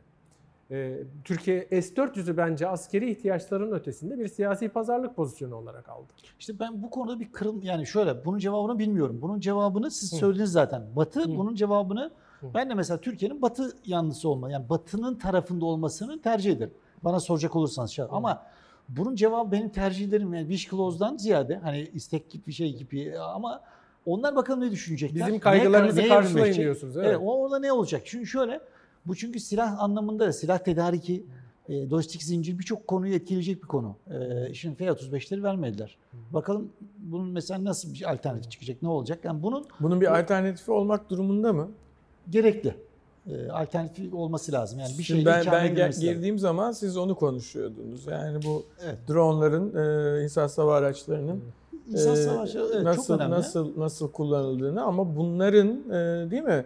Bir e, savaş hava ha, hava hava hakimiyeti sağlayacak bir uçar platformu e, F-35'ler manasına e, ya da F-16'ların e, bir sonraki e, şeyi ne olacak e, yenileyici e, unsuru ne olacak onu e, görmek manasına bir e, yerini tutması söz konusu değil. Geleneksel hayatta mümkün değil. Bir de komşularımız sürekli uçak alıyor. Yani, yani Yunanistan'ın eline geçerse ciddi gemisi. sorun olur herhalde değil mi? Yunanistan'ın F-35 olup bizim olmazsa Şimdi, ciddi Yunanistan F-35 alıyor. E, Rafael alıyor. Hı hı. Bir kısmı bir kısmı. Bir de füze sistemleri alıyor. Yani bunun havadan havaya bir platform ayrı bir de füze sistemleri var. Bırakın onu Mısır alıyor. Rafael de az buz bir şey. Mısır, Mısır alıyor. Bakın Mısır mesela Rafael aldı. Ee, gene şey alıyor. E, İsrail gemileri aldı. İsrail'in var zaten Yani şimdi bütün çevrelerimizdeki komşular hepsi bir şeyler alıyor. Yani Ermenistan bile e, Su-30M alıyor değil mi? füze sistemleri vermedikleri için kullanamadılar mesela savaş. Önce konuştuk önceki bölümde.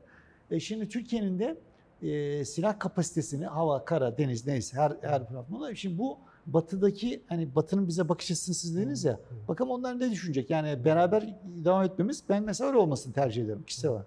Ama bunun kararını ben, siz veya şey onlar verecekler. Beraber vereceğiz tabii ama onların e, ana e, sürükleyici etkisi olacak. Mesela şu Avrupa Birliği'nin işte yarın yapacakları yaptırım, Mart'ta Hı. alacakları karar bunlar hepsi ileride e, karşımıza şey olarak çıkacak. Bu e, konudan devam edersek e, Ermenistan ekonomisi çok küçük. Yani Azerbaycan'ın e, ülkeyle kıyasladığınız zaman dahi küçük Türkiye'ninkiyle kıyaslamayı hiç konuşmuyorum bile. Nasıl finanse edecek bu? E, eğer yani silahlanmayı tercih ederse o da irrasyonel. Zaten şimdi aslında diasporadan Ya da gelen... Rus, Ruslar nasıl bu, bu işi e, yeni rütülür hale getirecekler? Ben aslında biraz önce Türkiye ile Ermenistan arasındaki ilişkilerin normalize olacağına dair bir görüş serdettiğimde biraz bu noktayı da düşünerek söylemiştim. Çünkü sizin de belirttiğiniz gibi yani çok küçük bir ekonomi ve çok fakir bir ülke. Yani 3 milyon nüfusunun ötesinde kişi başı gelir de düşük. Baktığınız zaman yani buradan herhangi bir şey çıkması mümkün değil. İşte diasporadan bir miktar para gelecek ki oradaki ekonomi dönsün. E bunun sonucunda da askeri harcamalara ayıracakları bütçe çok düşük. Onunla ilgili rakamlara baktığımızda Azerbaycan'ın askeri bütçesinin dörtte biri kadar bir para ayırabildikleri gözüküyordu. Onun için Ermenistan açısından oturup bu travmatik, irrasyonel, milliyetçi çizgiden devam ediyor olmak aslında onların sorunlarının devam ediyor olması anlamına gelir. İşte Türkiye'de çalışan Ermenistan vatandaşlarından bahsediyoruz.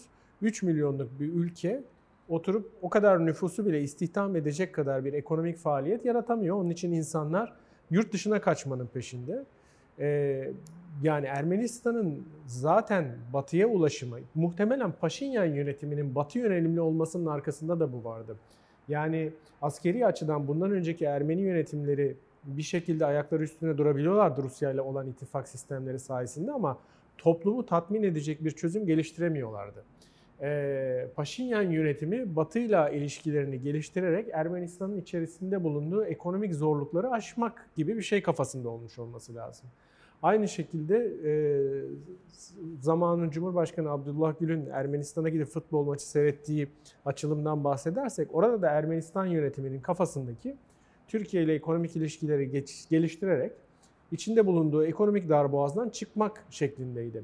Ermenistan'ın bu anlamda mevcut e, komşularıyla ve başta Türkiye ile çatışma konumunu sürdürerek, olumsuz ilişkilerini sürdürerek çok fazla gidebileceği bir nokta yok.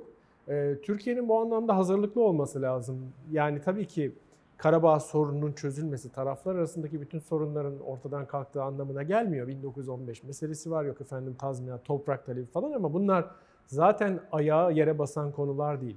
Oturup bir noktada mantıklı bir şekilde Ermenistan yönetiminin de hazır artık Karabağ'dan da bir beklentileri kalmadıysa ki kalmamış olması lazım. Oturup Türkiye ile de Azerbaycan'la da ilişkilerini yola sokmaları lazım. Çünkü başka türlü o ülkenin e, sürdürülebilirliği yok. Ekonomik olarak ayakta kalabilirliği yok. Yani diasporadan para gelecek, Ruslar para Rusya'nın zaten kendi ekonomik sorunları var. E, yani hangi ülkeye nereye para yatırsın, para yetiştirsin o, o gibi şeyleri var. Tabii ki oradaki üslerini sürdürmek isteyecekler. Güney Kafkasya'daki askeri ağırlıklarını devam ettirmek isteyecekler. Ama iktisadi açıdan Ermenistan'ın e, diğer Gürcistan gibi, Azerbaycan gibi ülkelerle birlikte buradaki sistemin bir parçası olması lazım ve Türkiye üzerinden batıya açılması lazım. Yani Fransa falan kurtaracak durumda değil Ermenistan. Öyle bir dünya yok. Ermenistan'ın dünyaya açılan kapısı Türkiye. Ya coğrafya kaderdir diyoruz ya. Oturup Erivan'dan da dünyaya baktığınız zaman e, coğrafya kader Türkiye yani açılacak kapı. Onun için bir noktada bütün bu travmatik konuları geride bırakıp bir şekilde rasyonel bir ilişki kurmaları gerekeceğini düşünüyorum Türkiye ile. O da Türkiye'nin de kazancı olacaktır. Ee, sonuçta e, neden ekstra bir düşman ülke edinelim e, sınırımız boyunca? Nasıl Gürcistan'la, Azerbaycan'la ilişkilerimiz güçlüyse tabii Azerbaycan'la ilişkimiz daha farklı tarihsel, kültürel nedenlere dayanıyor ama Gürcistan'la da son derece olumlu, pozitif ilişkilerimiz var. E, dolayısıyla Ermenistan'la da bir şekilde yakınlaşma sağlayabiliriz ama e, şu nokta kesin tabii ki o konuda da karar Ermenistan yönetimi verecek. Yani tek başımıza biz oturup e, onların negatif tutumu devam ettiği noktada biz e, oturup Ermenistan'la ilişkilerimizi geliştiremeyiz. Tabii biz futbol diplomasisine angaja olduğumuz bir dönemde oldu Ermenistan'da malum kapılar açılsın diye ama Ermeni parlamentosu Türkiye'den toprak talebinden örneğin vazgeçmedi. Bunlar hep e, o e, biraz evvel bahsettiğimiz dışarıdaki Ermenistan'ın dışarıdaki unsurlar üzerinden nasıl etkilendiğiyle de alakalı. Bir de tabii uluslararası konjonktür önemli. E, Amerika Birleşik Devletleri'nin Türkiye'nin karşısında yer aldığı, Avrupa Birliği'nin yaptırım uyguladığı e, bir Türkiye ile karşılaşan Ermenistan değil belki, Ermenistan'da yaşayanlar değil belki. Çünkü onlar doğrudan sonuçlarını hissettikleri için e, pek keyifleri yerinde e, olmayacaktır ama dışarıdaki Ermenistan dediğimiz Ermenistan o iklime bakıp biraz daha diş sıkmanın sonuç verici olacağını düşünürse o zaman Ermenistan hakikaten uzlaşmaz bir noktaya doğru e, savrulur. Ama e, tarih bir e, eğer öğretmense bize e, öğrettiği şöyle bir şey var ki Türkiye e, zorlanarak bir şey e, yaptırılabilen bir ülke hiç olmamış. Yani kolunu bükmek Türkiye'nin ya da buna e, çalışmak hep ters tepki vermiş. O zaman e, hani e, Türkiye'nin kolunu bükersek şöyle olur gibisinden düz doğrusal mantıksal çıkarsamaların gerektirdiğinin hep tam tersine davranan bir ülke olmuş Türkiye. E, bunun en e, hani net e, şeylerinden bir tanesi, e, örneklerinden bir tanesi de e, herhalde Kıbrıs e, Barış Harekatı olsa gerek ama daha yakın tarihe geldiğimiz zaman hemen 15 Temmuz'un arkasından işte bir anda Türkiye'nin Suriye'de tekrar aktör olmasına neden olan sınır ötesi harekatları sayabiliriz. Irak'ta Hakeza PKK'nın peşinden sıcak takip ilkesi çerçevesinde girişilmiş olan harekatları da oralarda sayabiliriz. Peki buradan nereye gidecektir Kafkasya dengesi? Rusya ile ABD'nin bundan sonraki ilişkileri Biden döneminde sert olacak diye bekleniyor.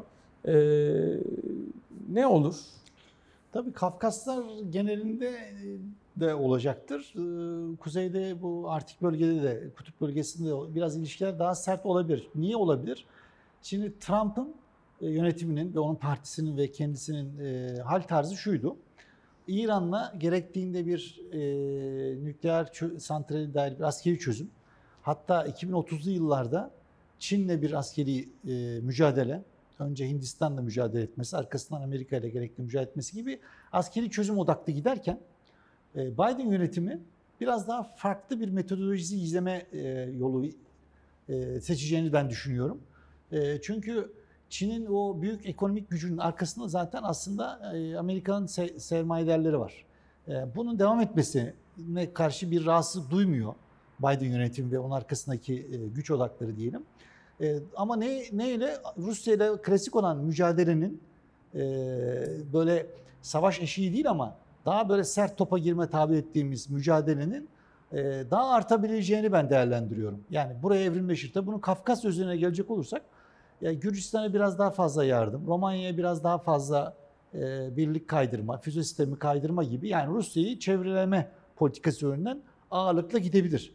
Ama bu bir söyleyeyim e, parametrelerde Çin'le bir mücadele girmeyeceği üzerinden 2030'lu yıllarda girmeyeci üzerinden Rusya ile olan tansiyon arttırmasını e, biz değerlendiriyoruz. Eğer ben yanılırsam tekrar Çin'le bir mücadele 10 yıl 20 yıl sonra mücadeleye girmeye yönelik bir e, perspektif ortaya koyacaklarsa Amerikan derin devleti o zaman Rusya ile fazla sorun çıkartmazlar. Ama ben birinci sorunu daha fazla yani Rusya ile daha fazla mücadele olacağını o sermayedarların Çin'le olan ticari ilişkileri de yine artacak şekilde devam edeceğini e, yani o Trump'ın hep bir Çin'le bir anlaşma vardı. Bir türlü anlaşılmayan değil mi? Anlaşmaya varılamayan bir e, evet. ticari e, anlaşma vardı. Bunun rafa kaldırabileceğini ben düşünüyorum. Bu yüzden Rusya ile olan mücadele Kafkasya üzerinde de, kuzeyde de, İskandinav bölgesinde olmak üzere biraz daha sertleşebilir. Biraz daha e, askeri, ondan savaş olarak değil ama askeri rekabet olarak, bunun havasından tut denizine kadar, yani uzayından tut denizine kadar biraz daha mücadelenin askeri zeminde, silah teknolojisiyle mücadelesiyle devam edeceğini ben düşünüyorum. Benim şahsi öngörüm tabii. Hocam Kafkaslardaki gerilimin ben bu geçen ayki anlaşmayla biraz daha artık ortadan kalkacağını, en azından hafifleyeceğini düşünüyorum. Ya bu bir, bu büyük bir anlamda bir noktalı virgül orada. Ee, yani bugüne kadarki gerilim çünkü Azerbaycan askeri üstünlüğünü sağlamış vaziyette. E, siyasi hedeflerinin de tamamını olmasa bile en önemli bir kısmını ele e, geçirmiş vaziyette. Öte yandan Ermenistan açısından baktığımızda Ermenistan'ın e, statükoyu değiştirebilecek bir askeri gücü olmadığı gözüküyor. Herhangi bir girişimde bulunması zaten bugünkü durumdan daha da kötü noktaya gitmesine sebep olabilecektir. Bu anlamda Kafkaslar'da biraz daha bir sakinlik, biraz daha e, statükonun artık yavaş yavaş oturmaya başlamasını bekleyebiliriz. E, şu söylediğinize katılıyorum yalnız. Bu Biden yönetiminin e, göreve gelmesiyle beraber Amerika Birleşik Devletleri ile Rusya arasındaki ilişkilerin, tansiyonun biraz artması e, beklenebilir. Bu zaten sadece benim değil, genel gözlemcilerin beklediği bir noktaydı. Hatta Biden'ın seçilmesinden en az mutlu olan liderlerden birisinin de Putin olduğu söylendi. Trump yönetimi zamanında biraz daha az sorunlu bir dönem geçirdiler. Yani bir başkan değişince tabii bir anda 180 derece dönmüyor ilişkiler. Yani Trump yönetiminde de sonuçta Amerika Birleşik Devletleri'nin Rusya üzerinde baskısı devam etti. Bir Ukrayna krizi e, elde mevcut devam ediyordu. Ama en azından e, bir şekilde daha yönetilebilir haldeydi. Hem e, Biden'ın kendisine hem de kurduğu dış politika ekibine baktığımız zaman Amerika, Rusya üzerindeki baskının bir miktar daha artarak devam etmesi beklenebilir. Nerelerden olur? Kafkasya üzerinden bu baskıyı yapmayı çok tercih etmeyebilirler. Hı hı. Tabii bu, bu tür zaten şeyler. konumuz olduğu için bir evet. sonraki soracağım soru bu. Ee, yani tabii ileriye yönelik projeksiyonlarda tabii ki yanılma payı var. Sosyal bilimlerde öyle bir kesinlik üzerinden yapamıyoruz ama sanki orası Rusya'nın biraz daha güçlü olduğu, daha kontrol altında tutabileceği bir alan. Ama Ukrayna'nın onlar açısından çok daha can yakıcı bir nokta olduğunu düşünebiliriz. Ukrayna ile Rusya arasındaki gerilimin devam edeceği gözüküyor. Zaten orada ne Rusya'nın Kırım'dan vazgeçmesi mümkün ne de uluslararası kamuoyunun Kırım'ın e, Rusya tarafından ilhakını kabul etmesi mümkün. Bir çözümsüz nokta. Artı onun da ötesinde Rusya'yı en çok sıkıştıracakları nokta Rusya'nın içinde bulunduğu ekonomik koşullar. Ee, ihracat gelirlerinin %70'i doğalgaz, petrolden gelen bir ülkeden bahsediyoruz. Ve fosil yakıtların hem pandemiden dolayı ama daha da ötesinde... Soğuk bir Arap ülkesi gibi oldu Rusya. E, şey derlerdi zaten e, soğuk savaş zamanlarında füzeleri olan yukarı volta gibi bir benzetmesi vardı. İşte doğal kaynak satıyorlar aslında. Bir de silah sanayileri iyi var. İyi silah satıyorlar. Çok iyi silah satıyorlar ama tüketim malzemeleri yok. Yani Rus arabası yok, Rus bul Bir de silah yok. sanayinden ekonomi çevirebilecek durumda da değiller yani. Tamam iyi satıyorlar evet. da.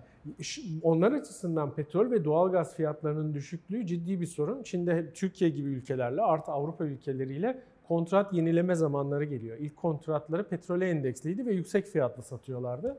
Şimdi Türkiye'nin 2021'de iki tane yenilemesi var mesela. Bizim açımızdan iyi fiyatlar düşecek.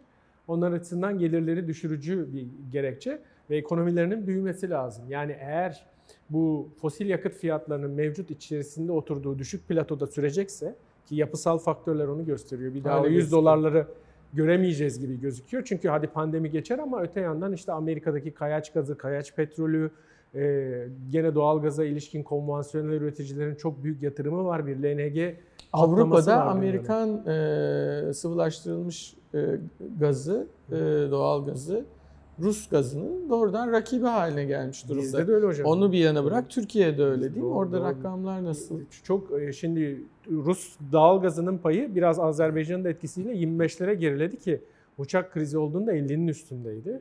E, LNG'nin payı onların üstüne çıkıyor. Bu trend devam ederse yakalar. E, çünkü LNG'nin ağırlığı ki Amerika'dan geliyor ağırlığı. Ee, çok önemli. O da Türkiye'nin bilinçli bir tercihi diye bakmak lazım. E, tabii yani. enerji bağımlılığından kurtulmaya çalışıyor. Hem Şimdi... enerji bağımlılığından kurtuluyorsun hem e, Trump için önemliydi bu. Tabii. E, hem de Amerikalılarla ilişkinin bir ticari aksı e, olmuş oluyor. Çok doğru. Trump'la ilişkiler açısından da önemliydi. E, fiyatlar da düşük bu arada. Yani işte bu doğalgaz tabii konumuz Doğu Akdeniz değil ama Doğu Akdeniz ve Karadeniz doğalgazı tartışılırken hep gündeme geliyordu. Ya yani öyle fiyatlar var ki şu anda. Doğu Akdeniz değil ama yani adamın e, Hazar Denizi'nden Suriye'ye füze attığı bir yerde e, gaz konuşurken e, tutup Akdeniz'i konuşmamak ya da e, Azerbaycan gibi petrol zengini bir ülkeyi, gaz zengini bir ülkeyi konuşurken bunu e, konuşmamak da mümkün değil. Yani işte liman teslim fiyatları 3-3,5 dolarlarda siz kuyubaşı maliyeti Doğu Akdeniz'de minimum 5 dolar diyorsunuz. Öyle bir dünyadan bahsediyoruz. Şunu anlatmaya çalışıyorum doğalgaz ve petrol fiyatları açısından gerçekten düşük bir plato. Ve işte konvansiyonel üreticiler de arttırıyor kapasitelerini. Katar'ı, Avustralya'sı, şusu busu. Ee, e, Rusya açısından ekonomik gelecek çok parlak gözükmüyor. Bundan dolayı Biden demografik gelecek. Demografik gelecek çok doğru. Demo, nüfusları daralıyor Rusların. Yani ortalama çocuk sayıları da o mevcut nüfus sayılarına tutacak kadar bildiğim kadarıyla 145 milyon civarında bir nüfusları var. Kırım'ı dahil edince 127 sayı, 147 sayıyorlar ve daralan bir nüfus. Onun için Rusya, Çin gibi böyle lokomotif gibi gelen bir ülkeden bahsetmiyoruz. Biden'ın elinde kartlar olacaktır Rusya'yı sıkıştırmak için. Bu anlamda şu da önemli. Putin de işte kendimiz açısından da ders çıkarabiliriz. Ee, Türkiye'yi tamamen küstürmek de istemeyecektir. Zaten başında çok fazla belası var. Ee, devam edecek bu, bu sıkıntıları birçok noktada. Ben en çok Ukrayna'nın sorun olmaya devam edeceğini düşünüyorum. Hatta işte böyle Gürcistan'a falan doğru atlama gibi bir takım şeyler olabilir. Karadeniz'e ağırlığını getirecek, koyacak NATO yapabildiği ölçüde. Ee, onun için e, önümüzdeki dönemde e, birçok Rusya ve Putin üzerinde baskı kuracak nokta sağlayacaktır Amerika Birleşik Devletleri yönetimi diye bekliyorum. Bu e, katılıyorsun. Katılıyorum. Sadece e, bu Putin'in yine akıllı yaklaşım şey, bölümü var ya hep aynı tekrar Özgür'ün olacak. sadeceleri çok meşhurdur. Yani, e, Sayın Generalimin hocalığını yaptığım için zamanında. Şöyle. Derste de öyle anlatılır. Biz sadece giderdi. Evet, sadece Şöyle. Şimdi e, mesela en son bu e, Karabağ e, olayında e, 300 tane PKK aslında eski, eskiden beri orada PKK'lılar gidiyor geliyor ama Hı. 300 tane PKK'lının oraya e, bazı e, büyükelçiliklerin, Orta Doğu'daki büyükelçiliklerin de devletlerin, batıdaki bazı devlet büyükelçilik kanalıyla intikali söz konusuydu. Şimdi bunların görevi şuydu.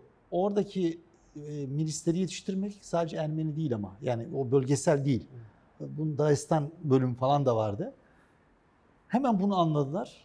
Yani burada Rusların istihbarat bölümü çok e, ilginç çalışıyor. Çok farklı çalışıyor. Hemen bunu anladılar ve komple tedbir aldılar. Yani tedbir alıp kendisi gidip füze atmadı, bilmem ne yapmadı ama orayı imha ettirdi. Yani Rusların böyle farklı metodolojik yöntemleri de var. Hani e, bunları da göz ardı etmemek lazım. Niye yani, yaptı bunu? Yani nedir? Kendi şey içinde mi? işte Dagestan üzerinden Çeçenistan olayı tekrar yani terörü ve onlar açısından yani böyle bir mücadeleyi kendi ülke sınırlarına değil de artık uzaktan karşılama metodolojisini çok güzel uygulamaya çalışıyorlar. Yani konseptleri bu yani. Yani kendilerine gelmeyecek tehdit Hatta tehdit olacak unsurları bile dışarıda savaşçı olarak gönderecekler. Yani kendi içine tehdit olacağını dışarıya Biraz gönderecek. Suriye'yi de böyle bir laboratuvar tabii, diye kullanıyorlar. Tabii.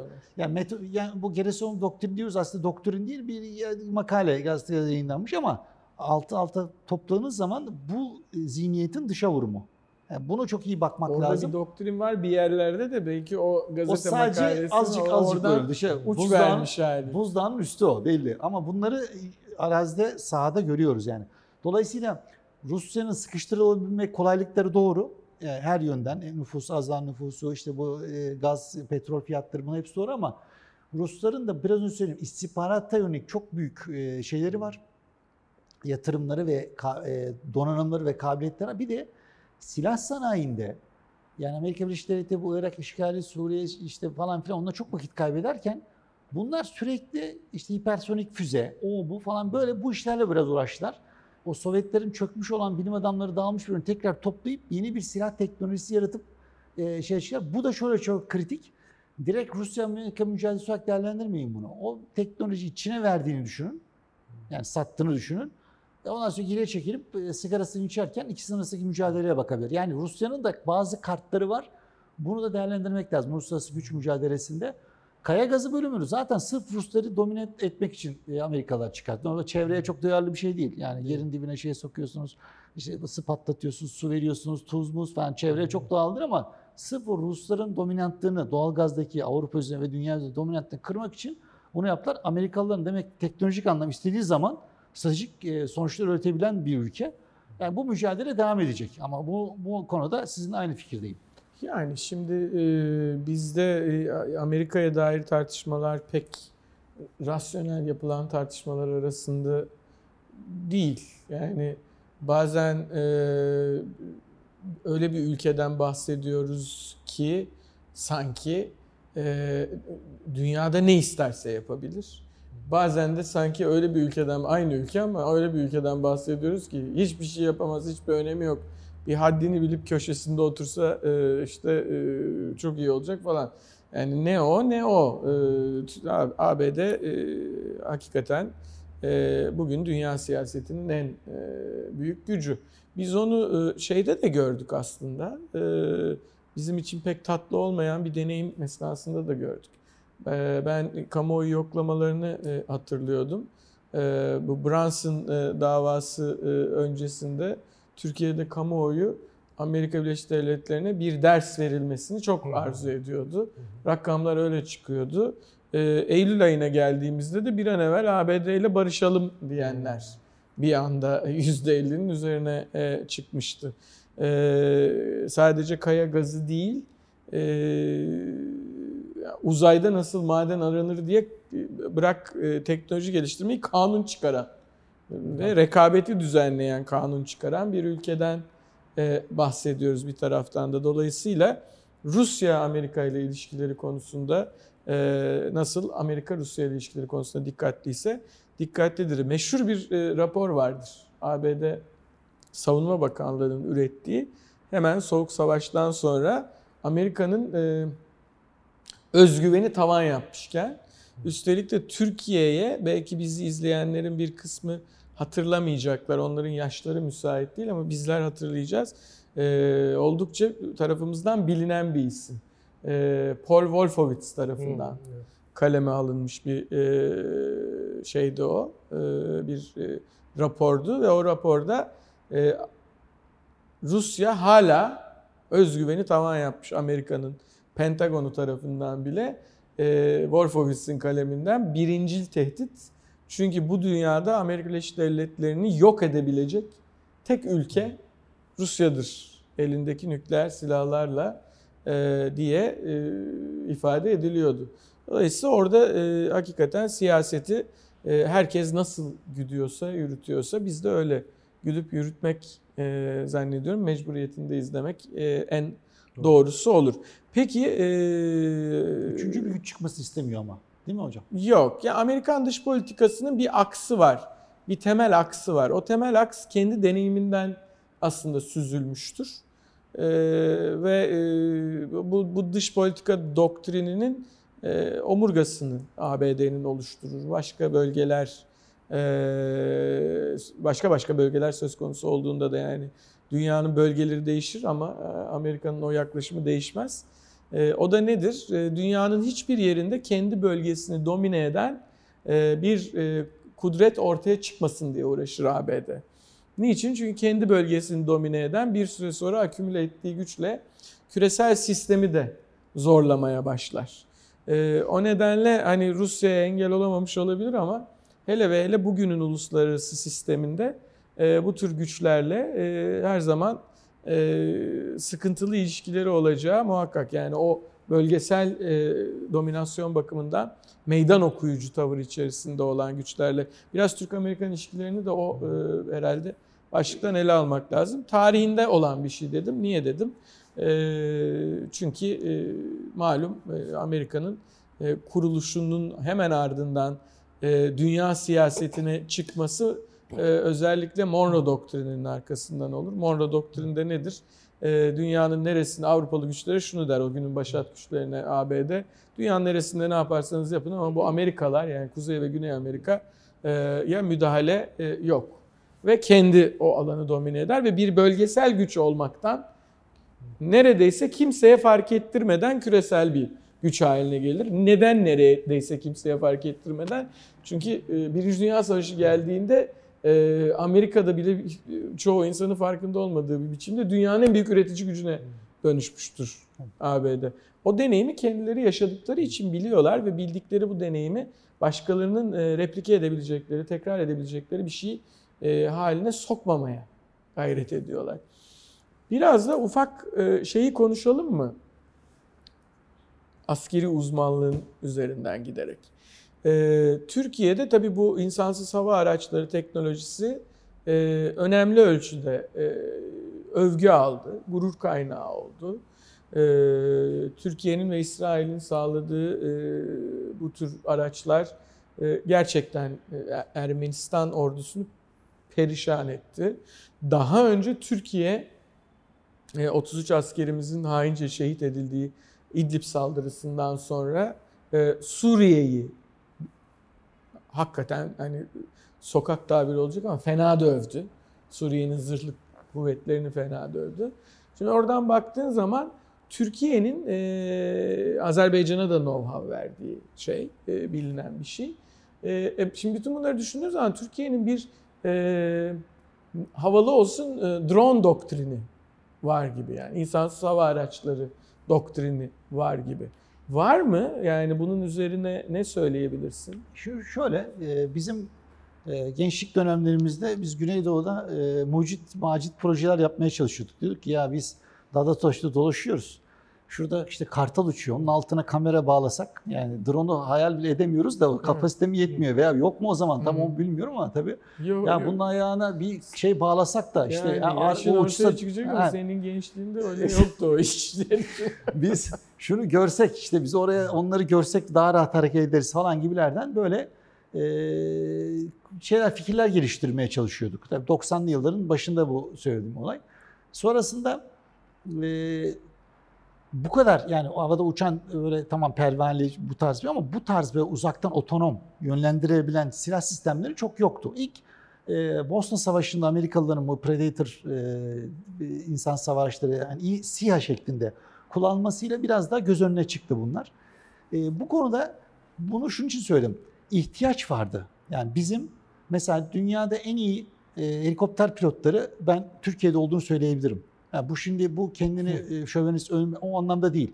Çünkü bir şey sizi zorluyor. Niye zorluyor? Yani o kadar rakımda tutunup e, daracık bölgen siste, Güneydoğu'daki mücadele ve coğrafya aynen. seni iyi olmaya aynen, zorluyor. Aynen. Zaten ya, iyi değilsen uçamıyorsun Aynen. Orada. Şimdi İngiltere'de yaşıyorsunuz, Hollanda'da iyi gemi yapacaksınız ki okyanusu geçeceksiniz, mücadele edeceksiniz. Venedik'tekinin de iyi gemi yapıyor ama o Akdeniz'de olan mücadelesi var. Ama siz okyanusu geçecek kadar büyük gemi yapmak ve orada hayatta kalmak. Zaten Doğal seleksiyon yapamıyorsunuz gidiyorsunuz. Yapanlar hayatta kalıyor. Doğal bu. Şimdi bu bizi insan savarıcında da işte bir pilotaj olayında da e, helikopter pilotaj açısından e, bizi zorladı. Bizi zorladığı için e, çeşitli kurumlarımız, özel sektör, işte Aselsan, TAİ, çok çeşitli kurumlarımız sinerjik oluşacak şekilde güzel bir insansız hava araçları ve silahlı insansız hava araçları üretti. Tabii bunun doktor kullanımı da Sonuçta bu da bir yetenek.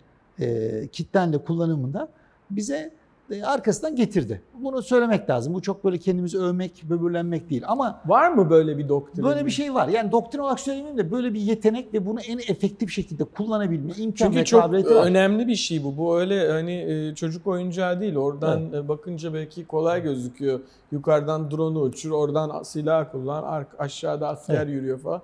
Öyle değil. Bunun bir ciddi koordinasyonu var. Tabii. İlk hatta şöyle söyleyeyim ilk bu e, Heron sistemleri geldiğinde onların koordinat sistemiyle bizdeki koordinat sistemi farklı olduğu için sadece ülke olarak değerlendirmeyin. Biri kutbi koordinat, biri grid koordinat veriyor. Ya verdiği koordinatı atıyorsunuz mesela veya gidiyorsunuz tam nokta çıkamıyorsunuz. Niye? Çünkü o farklı. Yani kendiniz ürettiğiniz zaman bir şeyi kendi sistemlerinizin tamamını kur ve aynı sistem üzerinden dizayn ettiğiniz zaman bunu, farklı bunu, şey çıkıyor. Bunu mesela televizyondaki tartışmanın hiçbirinde duymazsın. Kutbi e, koordinat, öbürü grid, grid koordinat. koordinat. Yani bu böyle bir evet. şey var bu hayatta. Evet. Al. Şimdi buradan şuna gelelim. E, bu silah sistemlerinin doktriner diyebileceğimiz anlamda bir kullanımı var. Bunu yalnız Türkiye'nin tam böyle stratejik anlamda bir güç olabilmesi için bence e, bu yüksek performanslı hem jet sistemlerini yapacak. Jet uçaklarının motorlarını dahil yapacak. İnşallah böyle olacak. Gemilerin motorlarını dahil yapacak. Bu helikopterlerin motorlarını dahil yapacak ki başta da helikopterlerin hani şey itibariyle. Bu süreci açtığımız anda işte bir eşik aşılmış olacak. Yani bunu yaptığımız anda e, büyük ölçekli dizel motor ve bu e, türbin motor, jet motorları diyelim. Bunu yaptığımız zaman hem sivil havacılık anlamda hem askeri anlamda bunu yaptığımız zaman Türkiye bir e, sınıf atlayacak. İnşallah bu günleri de göreceğiz. Ama bunu şunu söyleyeyim insan savaşları çok önemli.